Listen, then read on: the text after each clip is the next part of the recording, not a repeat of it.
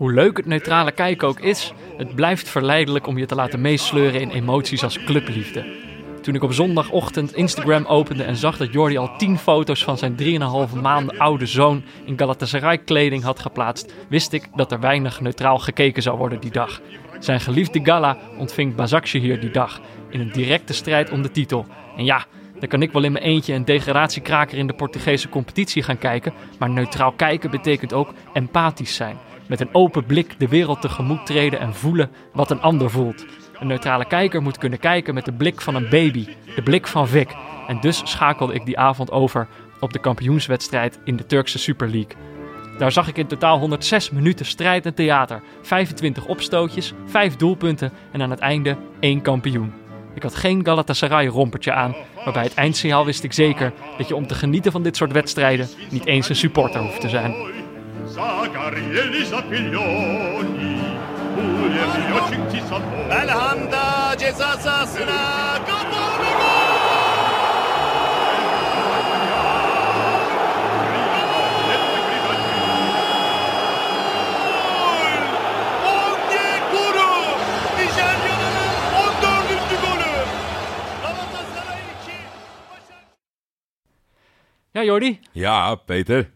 Uh, er zit een tevreden man tegenover mij.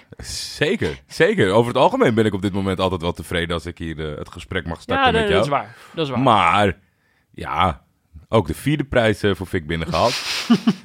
jongen, jongen, ik weet niet waar ik het moet laten allemaal. Een van de eerste dingen die, toen hij geboren werd, toen zei hij, ik hoop dat hij een talisman is. dat, dat Ajax kampioen wordt en dat Galatasaray kampioen wordt. Ja, ja, nou ja, hij heeft eigenlijk, eigenlijk is hij al een soort van verpest wat dat betreft. Hè? Wat heeft hij nog om, om naar uit te kijken? Alleen de Champions League misschien. Heel verwend mannetje. ja, dat was... Uh, hij had... Hoeveel Galatasaray kleding heeft dat ventje al niet, man? Ja, nou ja, eigenlijk alles wat beschikbaar is in de, in de babymarkt. ja, nee, dat is echt wel... Eh, dat is wel... vind ik toch nog steeds het allerleukste wat er is. Voetbal gerelateerde kleding. En zeker als Galla is. En hij, die baby's groeien natuurlijk lekker. Ja. En aan de ene kant vind je dat vervelend als ouder, omdat je dan Eerst denk je van, nou, dit kleine mannetje blijft nog wel heel leuk zo klein. Maar hij, slaat echt maatjes over. Ja, nee, dat gaat hard. Dat kan ik ook op, op Instagram uh, nog wel zien. Uh, jij, heb jij, heb jij een beetje goed geslapen? Je ziet er wat moe uit. Ja, ja. ik heb nachtmerries gehad, Jordi. Vertel. Ik heb echt nachtmerries gehad. Het komt eigenlijk door jou. Nou ja, door mij? via jou. Oh. jij, door jou heb ik, dat, heb ik een filmpje gezien. Oh. En, dat, en dat filmpje gaat niet meer van mijn netvlies. Het is echt uh, het filmpje zelf is al een nachtmerrie. Als je dat eenmaal gezien hebt, dan knapt er iets in je en dat komt nooit meer goed. Ik, weet, uh, ik weet waar je het over hebt inmiddels.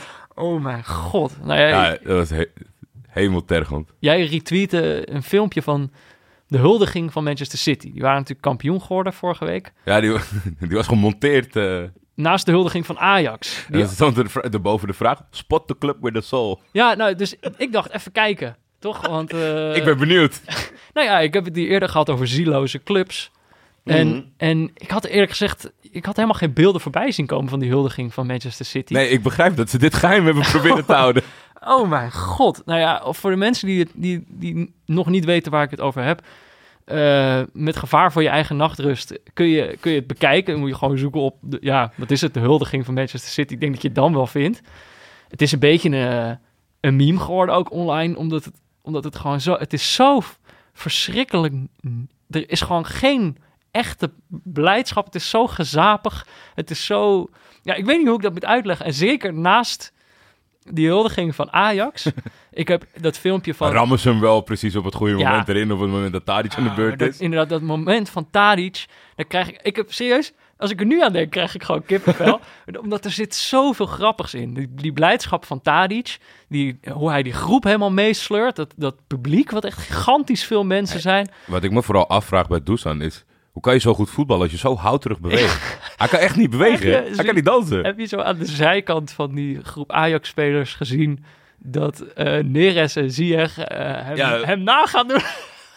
Vooral Neres. Ik dacht... Ja, nee, dat, dat, dat zag er niet al te best uit. Maar ik, ik, volgens mij hebben we het toen bij de titel van Paris Saint-Germain... hebben we het er wel heel, heel kort even gehad over. Want bij die superclubs die kampioen worden... je ziet dat gewoon en dan komen er ook verder rest altijd van die aangepaste huldigingen... of chique huldigingen, omdat...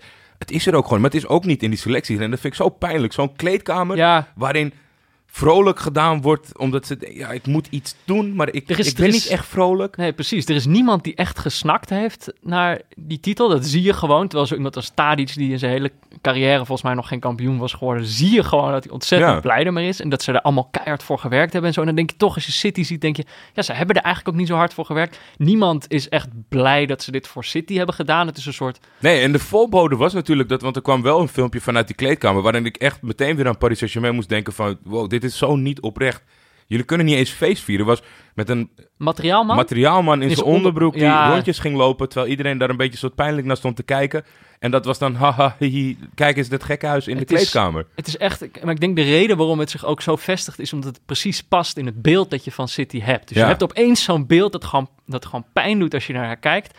Gewoon in zo'n zo'n zo'n moderne club bij elkaar gekocht. Natuurlijk heel veel historie, maar die historie wordt ook niet echt gekoesterd Maar- of zo. Favoriete hoogtepunt, ik heb hem ook al, ik, of iemand het grappig vindt of niet, ik blijf hem voor iedereen gebruiken. Dat was de mevrouw op de eerste rij. Ja, Het was zo sfeerloos dat je haar gewoon in haar eentje kon horen schreeuwen. Want zij wilde Ja. dat Sané de beker kreeg. En die zat gewoon, Leroy, Leroy. en toen kreeg je Massie aan de beurt en toen zei ze, yay. yay! En dan, inderdaad, dan knippen ze naar, naar Tadic. Ja, Eh, maar het is, het is echt, je kijkt, eh, je kijkt de hele duistere toekomst van het voetbal, kijk je recht in de ogen als je naar dat filmpje kijkt. Het is natuurlijk City, eh, een, een club zonder ziel. Guardiola is de enige die dat nog een beetje, samen met Compagnie misschien, die dat nog een beetje karakter weet te geven, die club. Maar kijk, het is natuurlijk ook, deze afgelopen week werd ook bekend dat er nog steeds een onderzoek is naar City. ja vrij serieus zelfs. Want ik Ja. dacht, weet je, dat komt dan in je timeline voorbij. En als het dan zo'n zo'n knipper-plak-account is, dan denk ik altijd van, oh, dat Ja. zal er wel meevallen. Maar daarna heb ik dat stuk van Rory Smith gelezen in New York Times. En het is bloedserieus. Eh, het zijn echt waarschuwingen. En City heeft verbolgen gereageerd. Want dat kan Ja, eerst ontkenden ze alles. Ja, Eh, maar eh, uiteindelijk gaat het onderzoek toch door. En het, volgens mij het zijn ook allerlei verschillende dingen. Onder andere Mancini heeft, heeft allerlei be- illegale betalingen eh, ontvangen. Ja. En dat, weet je, het is gewoon... Je, ik zag ook weer beelden voorbij komen van Guardiola... die daarna gevraagd wordt in een persconferentie... en dan echt absurd boos wordt. Bijna een soort... Die man is natuurlijk ook een beetje een, een, een maniak. ja Maar er echt een beetje een soort... behoorlijk. De psychopaat komt een beetje in hem naar boven. Dat je ook denkt van ja... eh, ik, ik, ik, Dat is wel gek, hè? Want het, het, het element van dit vind ik vooral... ze zitten natuurlijk de hele tijd tegen die eh, Elite League of Super League aan te schurken... van alle grote teams die gaan weg en we gaan het zelf opzetten... want we willen nog meer geld verdienen en we Ja. willen niet uitgeschakeld worden door Ajax... want daar betalen we te veel geld voor. Aan de andere kant zijn er toch die superclubs op dit moment... die elke keer een beetje net op het randje balanceren van wat u even goedkeurt. Want Ja. Paris Saint-Germain heeft al problemen gehad. En eerst bleef het dan maar bij eh, waarschuwingen of geldboetes. Ja. Lijkt me als je iemand die met geld sjoemelt een geldboete gaat geven, dat hij die met dat gaat geld gaat betalen. Dus waar ben je mee bezig? ja, Dus wat dat betreft, eh, eh, ik, ik vind dat heel interessant, zeg maar, die, die hautaine houding tegenover de rest van wij willen weg hier. Terwijl, ja, misschien is dat het ook wel, dat ze irriteert dat ze niet alles kunnen doen wat ze willen. Ja, en ja, ik weet niet. Het is gewoon, het is zo pijnlijk om er naar te kijken. En, en wat dat betreft is het dan wel weer prettig dat het wordt afgezet tegen, tegen die beelden zoals die van Ajax. Omdat dat natuurlijk ho- een hoopvol ding is. Zeg maar, je, je, je ziet twee kanten van het voetbal op dit moment. Ja, eh, van, van wat nog mogelijk is tegen al die grootmachten met al dat geld. Eh, en hoe, hoe dat eruit ziet, dat grote geld. Nou, het zag er verschrikkelijk uit. En ik, ik heb, ben meer, meermaals eh, hoopvol geweest in deze podcast. Maar als ik naar dat filmpje kijk, dan, dan voel ik alle hoop uit mij stromen. Dat is echt verschrikkelijk. nou ja, over verschrikkelijke dingen gesproken. Misschien wel in, in, in Ja. dezelfde lijn. eh, Dit is niet dien- verschrikkelijk, Een dienstmededeling. Nou ja, Ja. weet ik niet. Luisteraars vinden misschien. maar het is Laten we niet- het hopen, laten we het hopen. Nou ja, het is, eh, eh, In eerste instantie valt het mee. we moeten, kijk, natuurlijk het voetbalseizoen loopt overal af. Allemaal kampioenen. Ja. Maar ook dit seizoen van neutrale kijkers loopt af. En meestal als we dit soort mededelingen doen, dan zeggen we altijd... Ja, we weten het nog niet zo goed. misschien, misschien zijn we er wel volgende week, misschien niet. Misschien, we dachten, misschien is het nu goed om gewoon even... Duidelijkheid. Dus, duidelijkheid. Dus eh, wat we doen is... eh, vandaag is aflevering 29. Nou ja, dan kun je natuurlijk niet stoppen. Je nee, kan dat is niet, een lelijk getal. lelijk getal. Je moet altijd een rond getal hebben als je stopt. Dus we stoppen bij eh, aflevering 30. Die komt niet volgende week. Volgende Ja. week hebben we even niks. Even lekker. Even lekker. En dan de week daarna doen we een soort... Gaan we niet ook één specifieke wedstrijd kijken... maar gaan we het gewoon het hele seizoen afproberen te sluiten, toch? Ja, Gewoon even... We hebben met kerst een soort... halverwege een beetje eh, de balans opgemaakt. Even gekeken van, eh, nou, wat, wat hebben we Ja, en eigenlijk ik, allemaal vind- ik gezien. vind dit ook wel het ultieme moment om, om, om... Nou ja, we hebben het... Eigenlijk eh, de, de, de opening van de show staat en valt altijd met fantastische bijdragen van luisteraars. ja. En woordjes daarvan. Gebruik in de aankomende week vooral neutrale kijkers gmail.com om whatever van dit seizoen ja, dan wel met ons te maken, dan wel met jezelf, met ons te delen om uh, k- te kijken wat we kunnen meenemen in de laatste show. ja, Wat we, terugblik. we gaan denk ik een beetje concluderen van wat is, wat is neutraal kijken eigenlijk Ja. als je niet een toernooi hebt. Eh, we gaan denk ik gewoon, lijkt mij wel grappig om even op een rij te zetten wat we eigenlijk allemaal gezien hebben. Volgens mij kan je heel duidelijk zien dat we ergens gewoon besloten hebben van we gaan geen topcompetities kijken. Nee. Gaan gewoon heel erg maar Ik raar. denk dat het al na drie of vier uitzendingen was dat het al, dit wordt, dit is niet wat we zoeken. Ja, En, ehm, ja, ik vind, ik weet nu al, ik- of tenminste, dat is gewoon eh, de kennis van nu is dat ik heel blij ben dat we in alle krochten zijn beland. Ja. Door de luisteraars, door Michiel Jongsma, door Knolskoek, door jou, door mij. En, eh, ja, we gaan gewoon even wat. eh, dus we gaan nog één aflevering herinneringen ophalen. ja, Dan zijn we er een paar weken niet. Eh, maar dan, en dat hebben we natuurlijk al, al meermaals gezegd. En daar gaan we ook nog wel een soort van denk, soort of, officiëlere aankondiging van doen. jawel. Eh, maar eh, en dan gaan we de, de, de Afrika Cup doen. Yes. En dat, dat begint eind juni begint dat, hè? Ja, Welke datum is dat precies? Weet ik niet we helemaal. waren altijd zo lekker mysterieus en nu is alles gewoon kant en klaar. Ja, 21 juni begint dat. Ja, het zal in het voortrek misschien nog wel een, een, een voorbeschouwing volgen zoals we dat gedaan hebben tijdens het WK. maar daar- hoe we dat allemaal gaan invullen en welke dagen. Dat. Dat, eh, dat komt allemaal nog wel. Maar dan gaan we weer echt het toernooivoetbal in. Maar Ja. eh, voordat En dat... jullie dus ook, hè? Dus eh, vergeet dat niet. nou ja, jullie gaan die weken nodig hebben om even bij te komen. Laten we het zo zeggen. Ehm, verder, we hebben nog rectificaties van vorige week. We houden hier altijd van een lach. Maar moeten, ja, ik wist het niet. We hebben vorige week had ik mail, maakte ik de mededeling dat Fortuna en René Eijer eh, in overleg uit elkaar gingen. Ja, vonden wij stom. Want, en er was eh, een, een, een, een, alinea waarin, waarin hij toegaf dat hij het allemaal niet meer... eh, of dat hij wel nog de leiding kon nemen, maar niet meer alles voordoen. Dat wij dachten van, nou, dat is een beetje gek als je het voetbaltrainer bent. ja, we maar- dachten dat is ook slechte reclame voor jezelf. Nou ja, maakten wij een paar grapjes over. Ja, maar ja, wat, wat ontbrak in het bericht en, en wat ik gewoon niet wist... is dat René Eijer een hartstikke ernstige ziekte heeft in de vorm van MS. Ja, En dat dat gewoon in de weg zit om, eh om Ja. vrijuit te bewegen op het veld. En eh, ja, dat, dat is meerdere mensen die dat wel wisten, hebben ons eh, daarop geattendeerd. Dus eh, ja, dat eh, was eh, Ja. stom, maar... eh, onder andere Ivo, Ivo Jurning, Stan G, Lord of the Winds en Rick R95. En vast nog wel wat, wat meer mensen die... ja, eh, die, dat- luisteren maar niet hebben verteld. Ja, dat kan ook. Of die, die zich alleen geschaamd hebben voor hoe wij eh, grapjes eh, zaten te maken. Maar ja, Ja. goed, als we dat hadden geweten, hadden we uiteraard eh, daar, niet, daar niet om gelachen. Nee, nee, nee, nee, nee, dat is absoluut waar. En ik denk ook na, na een volledig seizoen met een fantastisch presterend Fortuna... dat ik dat in de laatste week nog steeds niet weet. Dat dat ook wel, ja, weet ik niet. Ja. Dat daar misschien niet voldoende aandacht aan is gegeven. Maar ja, dat durf ik niet te stellen. Ik, ik zit niet op alle Fortuna-forums. Maar qua landelijke media, als je gewoon Ja. de divisie dingetjes volgt... dan zou dat toch wel eens voorbij Ja. moeten komen. Nee, maar goed. Maar helaas. S- eh, sorry daarvoor. Dat Ja. hadden, we, hadden we even moeten checken. Hadden we misschien moeten weten. Ehm, Nou, ook sorry hiervoor. Want eh, er- iemand, een luisteraar, is een poll gestart... Oh, om ja. er toch maar eens achter te komen... ja, volgende rectificatie is niet echt een rectificatie. Nee, een dat toevoeging. toevoeging. Ik zei, als, je- als jullie voor eens en voor altijd het willen weten. Want wat kent, u, kent u deze nog allemaal gestart is door Willy Brokamp de Nee. beste Limburger ooit te noemen? Ja, ik weet ook niet meer wie, de, wie dat zei. Maar er is natuurlijk in deze podcast... Hebben, hebben luisteraars de discussie gevoerd over Wie dat via onze zijn. podcast wie nou eigenlijk de beste Limburgse voetballer ooit was. Jij zei vorige week, eh, begin maar een polletje. En, want die zijn alles beslissend. Ja, En dan zullen we, zullen we wel eens zien wie de beste Limburgse voetballer ooit was. het is geworden Mark van Bommel. Ja, Ja, het was, het was redelijk verdeeld. Ik denk een, een, een stemmer of, of zes, 600, 700. Dus ik denk representatief. Ja. dat ze dat eh, bij eh, de peilingen niet halen.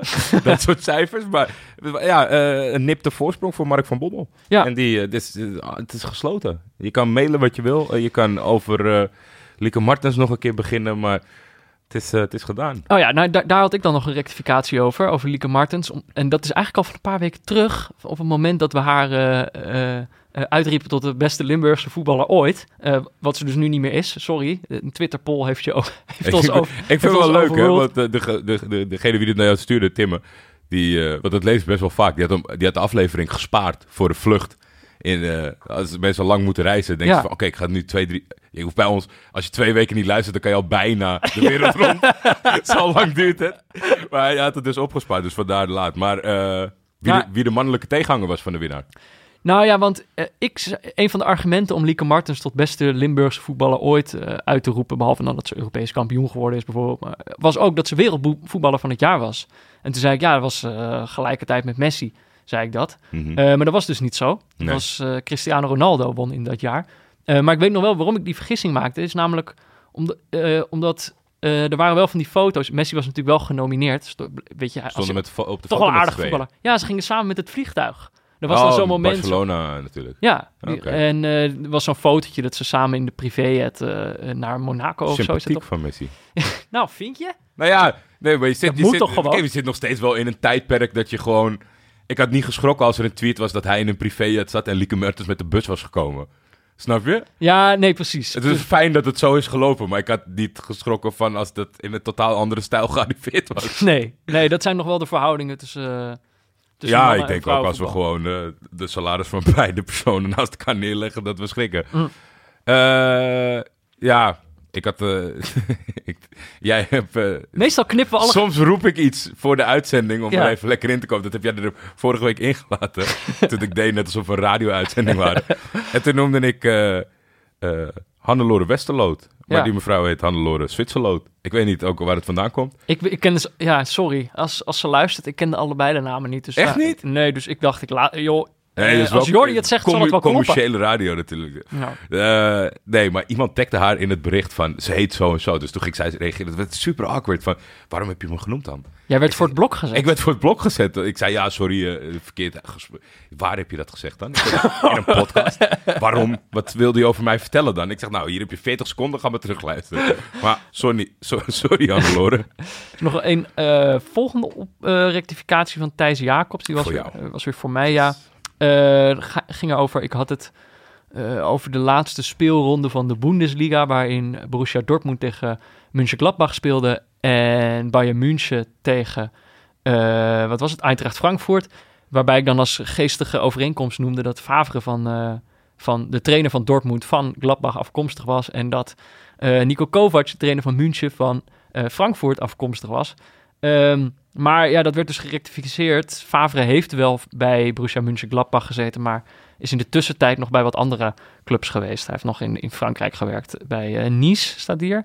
Eh, dus, nou ja, goed, dat, dat wist ik niet. Ik, ik weet ook niet of ik dat zo letterlijk heb gezegd dat, dat die rechtstreeks gegaan was. Maar eh, ja, weet je, dit soort verbeteringen zijn toch fijn. Scherpe luisteraars. Dus Thijs Jacobs, excuus. Bij deze is het rechtgezet. Ja, beste Peter en Jordi. Ik wil niet zeggen... Ik wil niet zeggen dat jullie schokkende onthullingen over de realiteit achter advertenties in het blad Arts en Auto een goede journalist de kop hebben gekost. Maar het feit is dat ik per toeval achterkwam, tuurlijk, Ja, dat Arts en Auto een nieuwe eindredacteur zoekt. Tijd om een luisteraar undercover te sturen en te kijken of er nog meer van dit soort vreemde fratsen worden uitgesproken. Vraagteken. Eh, ja. Ja, eh, groet Jeroen Wienen. Ja, ooit dachten wij dat, eh, dat, dat arts en auto dat het vrienden van ons waren. Nee, Totdat we erachter kwamen eh, dat... vrij duidelijk gemaakt dat het niet zo was.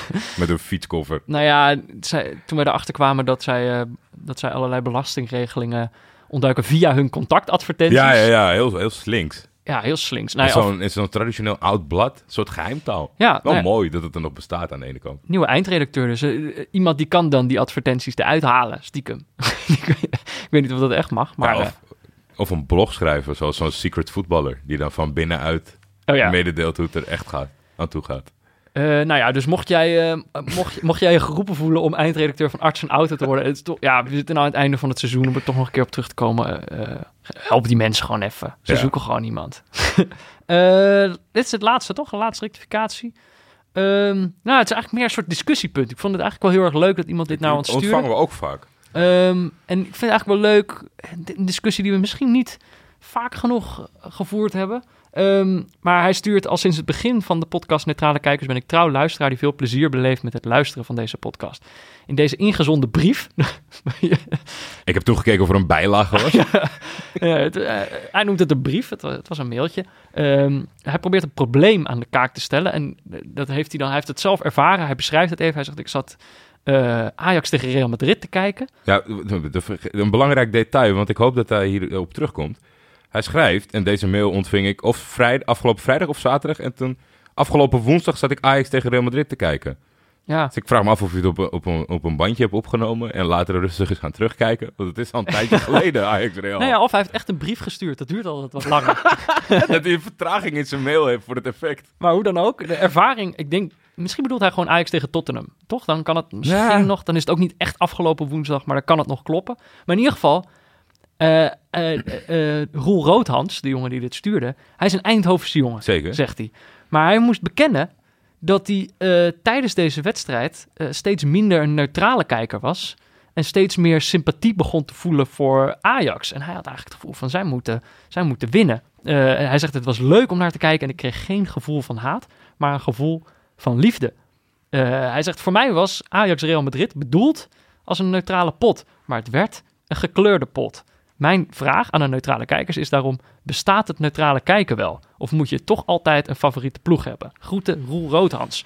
Dat vind ik dus een hele goede vraag. Eh, en hier hebben wij het misschien niet vaak genoeg over, maar ik, ik kan me wel herinneren. Kijk, uiteindelijk, en dat merk je ook als wij het over wedstrijden hebben, we hebben wel vrij gauw een voorkeur voor een van de twee ploegen. Ja, ik denk dat dat ook ja. wel mag als neutrale kijker. Ja, dat is wel volgens mij een element wat ik vaak heb, a- of misschien eh, onbewust door heb laten schemeren. Want zo is wel hoe ik er naar kijk. Ik vind het, het startpunt van neutraal naar iets toekijken wel. Maar ik, ga ook altijd op zoek in, in de wedstrijden Ja, een, een reden om net wat sympathie voor de ander te hebben. Ja. Of voor, voor een van de twee teams te hebben. Maar het is, kijk, wat, wat het neutrale kijken dan misschien eerder. Neutrale kijken houdt dan misschien ook niet in dat je helemaal niks kan schelen wie van deze twee ploegen precies wint. Het is alleen dat je daar veel opportunistischer in kan zijn. Dus dat je soms. Dan ben je even voor één iemand, maar je vindt het ook niet zo erg als ze achter staan. Je kan ook opeens Ja, switchen. binnen, binnen een wedstrijd kan je dan wel switchen. En wat vooral is gebleken, dat ik was niet vaak goed in het kiezen van de, de, de eindwinnaar. Maar dat heb ik echt na de wedstrijd geen seconde. Nee. Gewoon geen seconde. Dat ik dacht gewoon, jeetje. Nee, maar het is ook. Etoile du Sahel. Ik denk, jongens. ik denk sterker nog, zeg maar, een goede neutrale pot is misschien wel eentje waarin je steeds een beetje switcht. Waarin je opeens voelt, oh nee, ik ben toch voor hun. Oh nee, ik ben toch voor hun. Ja, ik, ik kan het wel in, in hele kleine details vinden. Waarom ik net wat meer sympathie voor de ander heb. Maar ik moet zeggen dat het switchen... Ik begrijp het wel, maar het komt niet zo heel veel voor bij mij. Ik ben wel trouw. Ja? Ja, Als je eenmaal binnen 90 minuten ben je, heel, Ja. ben je een heel trouwe neutrale kijker. Je hebt echt wat aan mij als club zijn. Dus eh, nee, nee, ja, het klopt, eh Roel. Het neutrale kijken bestaat wel, maar het is, dat betekent misschien niet dat je ehm, volledig neutraal blijft. Nee, misschien zijn dat wel de... eh, als we daar ook op gaan terugblikken, denk ik nu ineens... De slechtste wedstrijden zijn misschien wel waarin je niet echt naar iemand toe bent getrokken... omdat, het, Ja, omdat er geen als er geen aanleiding is om eventjes voor iemand te supporten... dan blijft er wel heel weinig over. nee, precies, ja. Ehm, nee, dus, eh, dus dat. Dat was het. Mocht je ook een rectificatie willen doorgeven, dat kan natuurlijk. Eh dan kun je mailen naar neutralekijkers.gmail.com. Yes. Ehm, ja, deze week, we hebben het er al heel kort over gehad. Eh, we hebben, we hebben, jij hebt hem niet helemaal neutraal bekeken, laat ik het zo zeggen. We hebben, natuurlijk, we hebben de kampioenswedstrijd in de Super League gekeken tussen eh, Galatasaray en Bazakje hier. De nummer 1 tegen de nummer 2 stonden gelijk in punten Ja, voorafgaand aan deze wedstrijd. Eh, ik heb hem wel neutraal gekeken. ben zeer benieuwd. Vorige week dachten we nog dat we een andere wedstrijd zouden kijken, maar ik dacht al heel gauw van dat gaat er niet van komen. maar voordat we het daarover gaan hebben, gaan we natuurlijk nog naar een woordje van onze sponsor.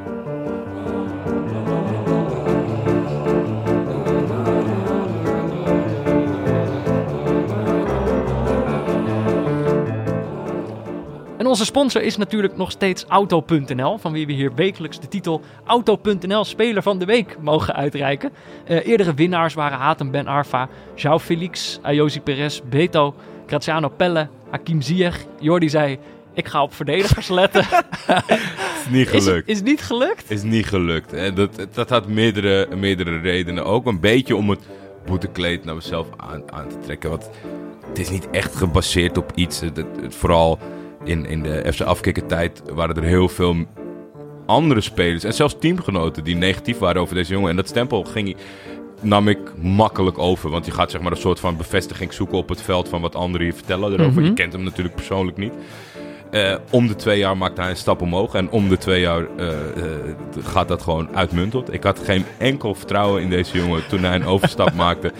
En nu eindigt hij het seizoen met een 8-1 overwinning. En een tweede hat van dit seizoen. Ja. Het is Woutje Weghorst. Wout Weghorst, Uit Nederlandse, de omgeving van Enschede. een Nederlandse spits. Ja, een Nederlandse spits met, met 17 doelpunten, maar 5 minder dan eh, Robert Lewandowski. Hey, maar jij had zo weinig vertrouwen in hem... dat jij voorafgaand aan dit seizoen een, een weddenschapje bent aangegaan... over hoeveel doelpunten hij zou gaan maken. Ja, klopt. eh, met, eh, met Neil Petersen. En, Jij zei dat minder dan 10, Minder dan 10. En dat was... Dat, Heel lang leek, dat, leek hij wel ongeveer op 10 uit te gaan komen. ja, het was een beetje hobbelig. Het is natuurlijk best wel een stap... eh, dat- was meerdere dingen. Wolfsburg afgelopen seizoen heel slecht. Onderaan. Nou, dat is niet het moment dat je heel veel doelpunten maakt. Daarnaast is hij een, een, een, een jongen die, die snel geïrriteerd kan raken. Mhm, en ja. misschien, ja, wat misschien in Nederland eh, je gunfactor wegneemt, kan in Duitsland misschien wel weer heel goed werken, wat is gebleken. Ja. Maar hij heeft eh, vooral het vertrouwen eh, eh, blijven houden. En ik dacht van, hij komt er niet uit in de beginfase. Het is een paniekerige club. Die Labadia vliegt eruit. Als hij, volgens mij is hij nog trainer. Dus er gebeurt te veel, waardoor hij nooit aan het aantal doelpunten Ja. kan komen. Ja. En hij heeft gewoon het hele seizoen gespeeld en 17 doelpunten gemaakt. Ja, dat is hartstikke goed. Maar inderdaad, wat jij ook al noemde, daar ging ik ook nog even naar kijken, eh, is, is zijn carrière best wel. Hij, hij zat zo gek lang geleden. Zo, dit is natuurlijk echt een compleet uitgewoond verhaal, maar nog niet zo gek lang geleden was hij gewoon nog een amateurvoetballer. Ja, En, en steeds inderdaad zo st- met kleine stapjes omhoog. Eh, wat was het? Emmen, Emmen, Eh, Heracles. Ja, daarna natuurlijk AZ en nu Wolfsburg. Ja, dat gaat wel lekker. Vergeet ik nu nog een club? Nee, hè? nee, en, en dat allemaal voor iemand uit Borne. Het is een, hele, het is een kleine gemeente. Het is misschien niet eens een gemeente. Kun je nagaan. Extra knap. Wout Weghorst uit Borne. Een Twentse forense gemeente ten noordwesten van Hengelo. maar het was... eh, ik, heb, 23.000 inwoners, Peter. ik heb, het, ik heb eh, dit weekend het schakelkanaal van eh, eh, de Bundesliga zitten kijken. Eh, met zeg maar het Duitse schakelkanaal. Dus dan, In het Duits ook. ja, Oké. Maar er werd eh, zoveel gescoord. Maar dat is zeg maar zo'n kanaal waarop je dan steeds van andere plekken dan hoort... Uh, Tor Wolfsburg! En dan gaan ze opeens zo Gaan ze naar... erheen. Gaan ze erheen. Maar hier bleef maar gescoord worden. 8-1 tegen Augsburg. Ja, super lullig. Eh, Bayern won natuurlijk ook met 5-1. Dus dat schakelkanaal was eigenlijk gewoon een soort goalcompilatie van de laatste Ja, hoe speeldag. vroeger, eh, hoe vroeger, ja, weet ik niet of je dat, of, kijk je dat op Eurosport, eh Eurogoals? ja, zeker. ja, Ja, dat, ja, dat was ja. gewoon één lange goalreeks uit heel Europa. Ja, geweldig. Maar ehm, ja, maar dan denk ik, Peter, Zo- Wout Weghorst. ja, Er zit, er zit een hintje in Wout Weghorst. Wat heb je ervan gemaakt? Dat hem Nou. legitimeert als Auto.nl Speler van de Week. het, het bruggetje naar Auto.nl is nog nooit zo makkelijk geweest. Toch? Je hebt het mij op een presenteerblaadje heb je mij aangeboden. Hij voetbalt bij Wolfsburg. Die worden natuurlijk gesponsord door Volkswagen. Dus wat staat er groot op de borst van Wout Weghorst? Ja, Het logo van Volkswagen. Het is misschien ook een beetje een Volkswagen, toch? Een auto die gewoon maar door blijft rijden. Die vol blijft houden tegen... die te- elke tegen twee jaar in. beter wordt. Waarvan je denkt van, oh nou, ik moet mijn auto omruilen. Maar dan denk je, nou, Hij heeft wel veel kilometers op de hij teller. gaat nog. En dat is, staat- wel heel veel kilometers op de teller. Nee, maar dat is juist goed. Ja. Het is een Volkswagen. En dan kom je, kom je bij die prettige garage voor de controlebeurt, de onderhoudsbeurt bij Auto.nl. Ja. En dan zeggen ze, nou, je kan hier eigenlijk twee jaar nog beter mee presteren. Maar ik had even gekeken op Auto.nl. staan ook best wel wat Volkswagens te koop. Geliefde auto. Eh, Een Passaatje, een paar Polootjes, een paar Golfjes, een Beetle. Heb ik Een gezien, Beetle? hoor. Een Beetle. Wauw. Je kan het zo gek niet bedenken. Allemaal op auto.nl. Eh, en dat is natuurlijk auto.nl. Voor de mensen die dat, eh, die dat nog niet wisten. auto.nl. Kan je gewoon een auto kopen online. Tijd voor de wedstrijd van de week. Eh, zoals ik zei, Galatasaray tegen Başakşehir. Ja, en zoals ik in de intro ook al zei. Wij dachten eigenlijk eh Tondela tegen Chavez te kijken. De, een wedstrijd om directe, directe degradatie in de, in de Portugese competitie. Heb, heb jij enig idee, want is dat... Heb ik dat gewoon verzonnen? Of wat? Ik, ik stuurde Nee. jou een bericht. Ik dacht dat namelijk dat er was geopperd dat die om 9 uur 's avonds zou zijn. Ja, ik weet niet precies. Ik denk dat we gewoon niet goed gekeken hebben. Want we dachten dat dat inderdaad niet tegelijkertijd met Galatasaray zou zijn. Ik weet trouwens niet hoe ik die wedstrijd had benaderd. Zo, echt zo koud uit het kampioenschap. Zo naar de Portugese degradatie nog nou even ja, kijken. dat was natuurlijk ook de overweging. Wat ik al zei, toen ik al die, al die filmpjes van Vic zag in, eh, in, in Galatasaray-uniform... toen wist ik ook wel van ja, we kunnen... we kunnen de luisteraars wel voor de gek houden en zeggen dat jij neutraal gekeken hebt eh, eh, gisteren. Ja. Maar ja, jij was natuurlijk maar met één wedstrijd bezig. Dus ik dacht, ik moet nu mee als neutrale kijker in deze wedstrijd. En Ja, ik, dus- ik, ik, ik, ik twijfelde. En ik vond in eerste instantie vond ik het en heel leuk en heel lief van je. Maar ik dacht, we hebben natuurlijk dit seizoen uh, Galatasaray Trabzonspor gekeken. ja, En we hebben het laatst vrij ruim over Ajax gehad. We zitten nu wel een beetje tegen de grenzen aan van het, van het niet, eh, niet meer neutraal zijn. Ja, Maar, maar, ik dacht een wedstrijd. Kijk, voor mij, kijk, voor jou is dat natuurlijk zo. Maar voor mij, ik dacht een, een wedstrijd, een directe wedstrijd om het kampioenschap in een competitie die niet, zeg maar, met play-offs speelt. Want dan heb je altijd een directe wedstrijd.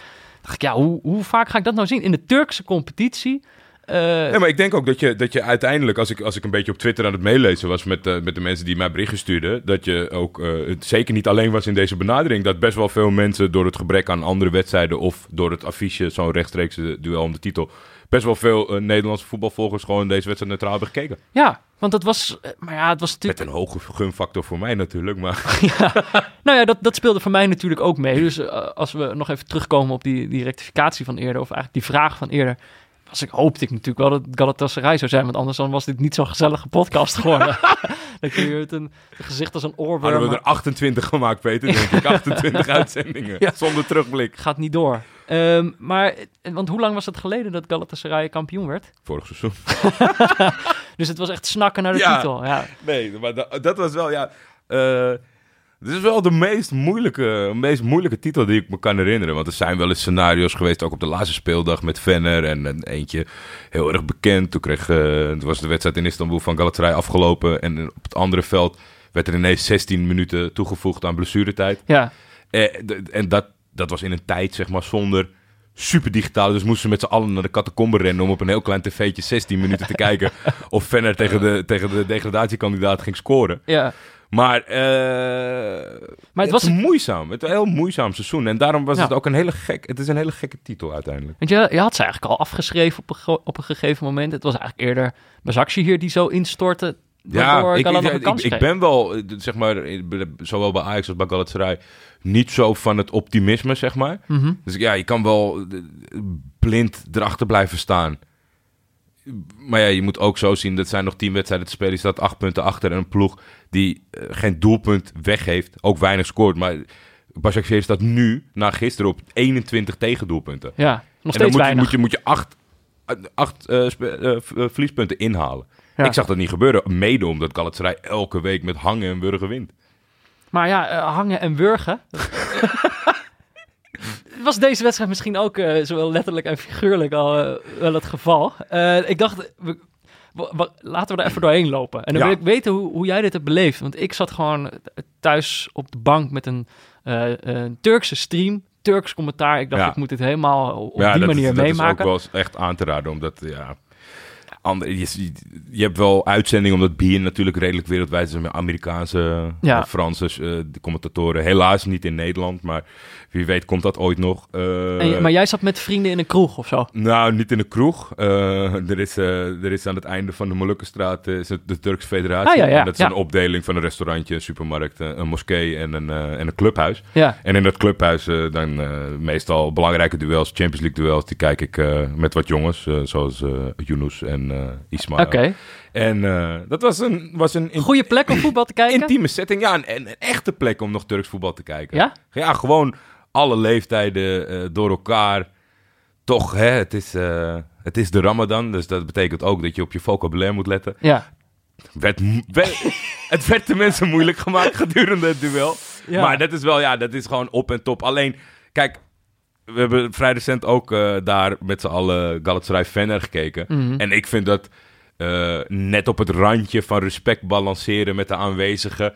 Ja. Dat is gewoon echt al haat en nijd. En dat is mooi. Maar als je tegen Başakşehir speelt, daar, daar, daar, daar zijn geen supporters van. Ah, oké. Ja, oké. Dus dat, we, we zaten alleen maar met Gala mensen. Maar, maar dit was natuurlijk, ik zat wel constant in mijn hoofd met hoe, hoe, hoe zou Jordi er nu bij zitten? Ja. oké, dus dan gaan we even door die wedstrijd heen. Eh, het beg- begon natuurlijk gewoon eh, onstuimig. Het is toch de kampioenswedstrijd. Het publiek staat er, eh, zat er vol achter. Ja, Ik zag ook, ik zag aan het begin, oké, één opmerking over iemand in het publiek, die kwam in beeld. is iemand met, die had eh, twee kleurenlens had hij ingedaan. Dus één eh, rode en één een beetje geel-oranje. Die Ja. Galatasaray kleur. Ik dacht, die neemt het niet neutrale kijken wel heel serieus. Vrij letterlijk. ik zat ook echt het, een beetje... Ik moest nog, de wedstrijd moest natuurlijk nog starten, dus ze zouden nog wel een beetje uh, joviaal uh, achteroverleunen. En ik zag, het, ik zag het shot ook. ja. En toen dacht ik van, ik ben benieuwd of Peter als ingeschakeld. dit, is wel, dit is wel zeg maar een soort van signaal van hoe dit zo meteen tekeer gaat. Ja, nou ja, eh, het ging ook op het veld eigenlijk gelijk wat te- tekeer. Ging een beetje heen en weer. Ja, Er wordt, eh, na vijf minuten is eigenlijk al bijna een goal. Ja. Corner van eh Belhanda. Die best wel, goede corners, heel strak. Die vallen zo, in het penaltygebied vallen ze zo het- omlaag. Het, het, het, hetgeen wat ik heel raar vind, is dat er, er staat achterin uh, Luyendama. Die Ja. is denk ik 220 en die torent de hele tijd boven iedereen uit. Maar Ja. Het lukt hem toch niet om binnen te koppen. Sinds hij in de windstop is overgekomen van, eh, van standaard, Nog niet gelukt? wint hij bijna alle kopduels tijdens... eh, tijdens maar eh, ja, zoals hij dat gewend is, verdedigend. Hij kopt ze allemaal over of naast. Ja, Maar ze, ze worden geregeld goed aangesneden door de heethoofd Belhanda. ja maar de, de, de, de keeper, keeper van uh, Bazakshir, Dunok, die haalde hem, haalde hem van de lijn. Die Het heeft sowieso... trucje, trucje met, met Turkse spelers, je mag ze bij een voornaam noemen. Doet de Ah. commentator ook de hele tijd. Gewoon Mert. Makkelijker. Maar hij pakte best wel wat ballen van de lijn. Ja. Eh eh Muslera ook. Eh, Ja, hij dacht, ik, ik krijg te weinig te doen, dus ik speel de spits in de voeten. ja. En daarna maak ik een mooie redding. Ja, zo lus ik het ook. Ja, dat, was, dat, ja, dat krijgt hij toch niet uit zijn spel. Zonder enige, enige reden schiet hij hem zo bij de tegenstander in zijn voeten. ja. Daarna redt hij dan wel weer uitmuntend door te Ik laten vond hem wel dat- een hele goede keeper. ja, het, heel, het, is een hele goede keeper. En het is echt een, bonus dat hij nooit vertrokken is. Maar, Vertel. Minuut 17 wordt het hele stadion stil. Ja, En bij mij thuis ook eigenlijk eerlijk, moet ik eerlijk zeggen. Toen dacht, zag ik het heel even Oei. instorten. ja. Ik dacht heel even van, oh jee, waarom gingen we ook alweer deze wedstrijd kijken? 17e minuut. Eh, er is een actie over links via Elia. Die daar natuurlijk, Eldro Elia speelt daar op, op links buiten. Clichy achter hem, ook een oude bekende. ja. Die geven die bal op een gegeven moment, eh, ze hebben een korte combinatie. Clichy geeft hem voor. Eh, die spits Bajic. Nee, de Die- assist, eh, de assist was uiteindelijk van eh Duveltje Doosje Elia. Eh, wel? Ja, ja, ja. oh, ik dacht dat het wel. Clichy Want was. het was, eh, ja, het cliché was, eh, was wel een belangrijke factor. Want Elia die werd in eerste instantie fantastisch tegengehouden door Mariano. Ja. Leek de bal kwijt. Toen belandde hij bij cliché. Ja. En die gaf hem terug en toen ging eh, Elia dribbelend. Ja, En, ja, en een terge, trage boogbal. Bajic die komt goed eh, te- voor zijn verdediger. En die kopt hem echt tegen draads. En met zo'n boogballetje. Dat duurde heel lang. Ja. Voor mijn gevoel, voordat hij erin viel. Toen dacht ik, oh nee. Oh nee. Ja, dat merk ik toch vaak bij de eerste, de, eerste, eh, de, de, de eerste emotie bij dat soort momenten is dat iemand boos wordt op een keeper. Alleen, dat is zeg maar zo haaks op de verwachting dat je niet meer, je staat gewoon letterlijk vast. Daar is die op- uitdrukking ook Ja. van. Dus ik was niet echt, ik was niet Aan de echt grond boos op, genageld. Ja. Niet, niet, niet boos op, op Muslera. Het was eerst kop, eh, kop tegen doelpunt van dit seizoen van Galatasaray. Dus de- de- wat dat betreft Hm. hebben ze goed, goed gewerkt. Maar ik moet wel zeggen, kijk, Başakşehir krijgt heel weinig doelpunten tegen. Dus het is niet fijn om achter te komen. Mhm. Daarnaast is hun tactiek volledig om, om het achterin dus dicht te bouwen. Ja. Het is niet fijn, omdat Galatasaray toch wel voorin beweging mist. Dus dan kan je het moeilijk doorspelen. Dus ik, ik, ik schrok. Ja, nou, ik, had, ik had niet... eh, toen Venner gelijk maakte een paar weken geleden... dan kan ik echt moedeloos van worden. Omdat het zeg maar jaar in jaar uit... Het, al twintig jaar hebben we daar niet gewoon... Dan gaan we weer. Zonder ja. enige aanleiding zit je het hier weer te verprutsen. Ik, had, ik zat niet op het dieptepunt, maar ik dacht wel... pff, nou, ik weet niet waar het vandaan moet komen op dit moment. Nee, nou, misschien, misschien ja. Er was onmiddellijk een, eh, een, een opstootje Ja. met eh, ook een andere oude bekende. Eh Adebayor werd, werd, die kreeg een flinke duw. Echt een flinke slinger. Die werd achterover terug de dugout ingekegeld door iemand van Galatasaray. Ja, Eh iets maar een cheap, ik weet niet wie dat precies is. dus een reservekeeper. Ah, ja, nou, dat, dat verklaart misschien waarom Ja. hij zo groot en sterk is.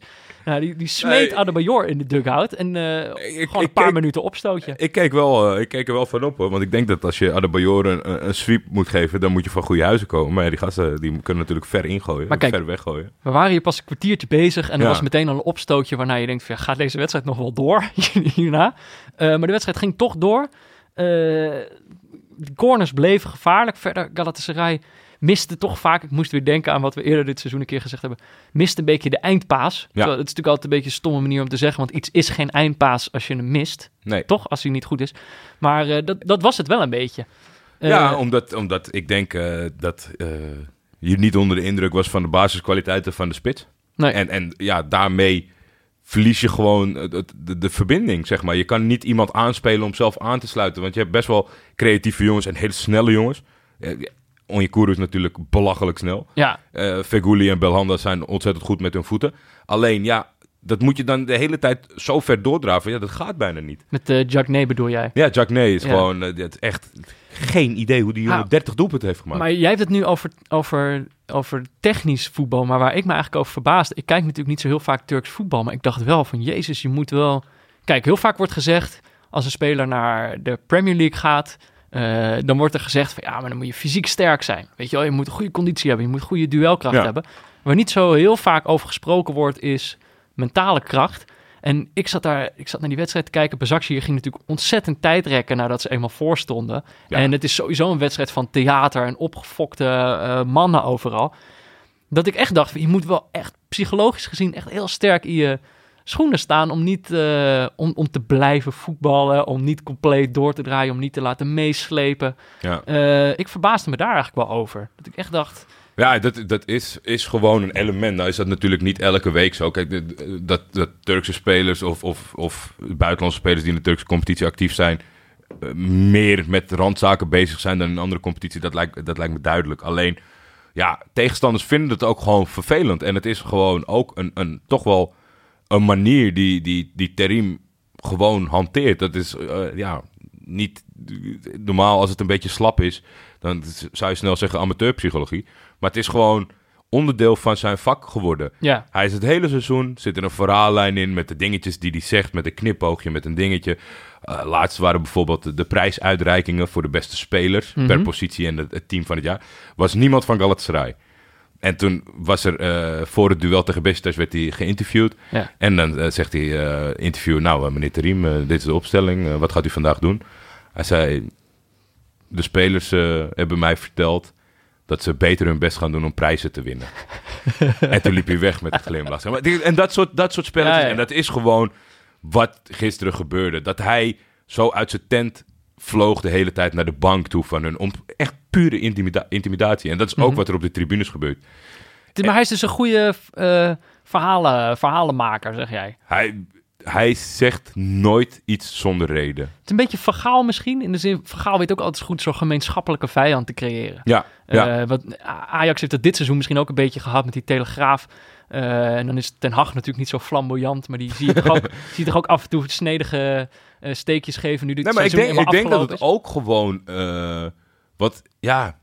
In Nederland is het toch gewoon vaak... Ja, je, bent voor Ajax, dus PSV is vervelend, zeg maar. Het is niet echt iets om je aan vast te klampen. Nee. Maar je- inderdaad, het voorbeeld wat je geeft... Ik denk dat dat on-Nederlands bijna was. Dat, dat, dat heel Ajax zich zo kon klampen met z'n allen van...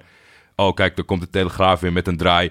Maar wij weten wel beter. En, Ja. en zij zijn de nemesis die ons proberen onderuit te halen. En ja, dat, dat, dat gebeurt in Turkije aan de lopende band. Ja. En hij is daar heer en meester in. En dat is ook gisteren het verschil. En daar helpt ook wel zo'n stadion bij. Maar toch, eh, in de rust staat het nog steeds 0-1 voor Bezakje. Hoe zat jij er toen bij? Had je er nog moeten? Had je er vertrouwen in nog? Nou ja, ik, ik, ik, ik zag niet zo goed hoe het zou gaan gebeuren. Mhm. Maar ik, ik, ik, zat er, ik, zat er niet, ik zat er absoluut niet doorheen. Nee, Nee. dat zou ik liegen als ik dat zeg. Ik denk, want bij 1-1, in Turkije gaat het eerst over eh, onderling resultaat en dan over doelsaldo. Dus bij 1-1 was het onderling resultaat gelijk Ja, ja. gebleven. En dan stond Gala acht doelpunten voor en dan moesten ze alleen de slotwedstrijd winnen. Het zou niet zo leuk zijn.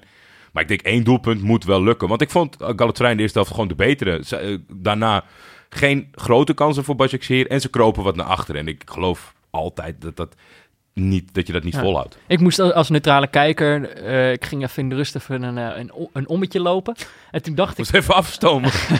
ik dacht even tijdens, eh, tijdens dat ommetje, dacht ik van, we hebben natuurlijk de afgelopen weken hebben we het vaker gehad over wat er precies gebeurde bij Galatasaray. En dat was eigenlijk vooral omdat er altijd opmerkelijke comebacks waren. ja, Eh, dat ze toch weer, weet je, acht minuten in de blessuretijd nog de winnende binnenschieten.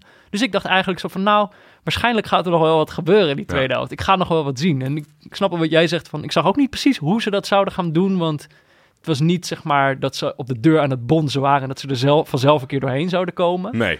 Maar ik had wel het gevoel van, er kan nog zoveel gebeuren. Nou, de tweede helft begint. Eh, we zijn een minuutje bezig, denk ik, iets langer dan een minuutje.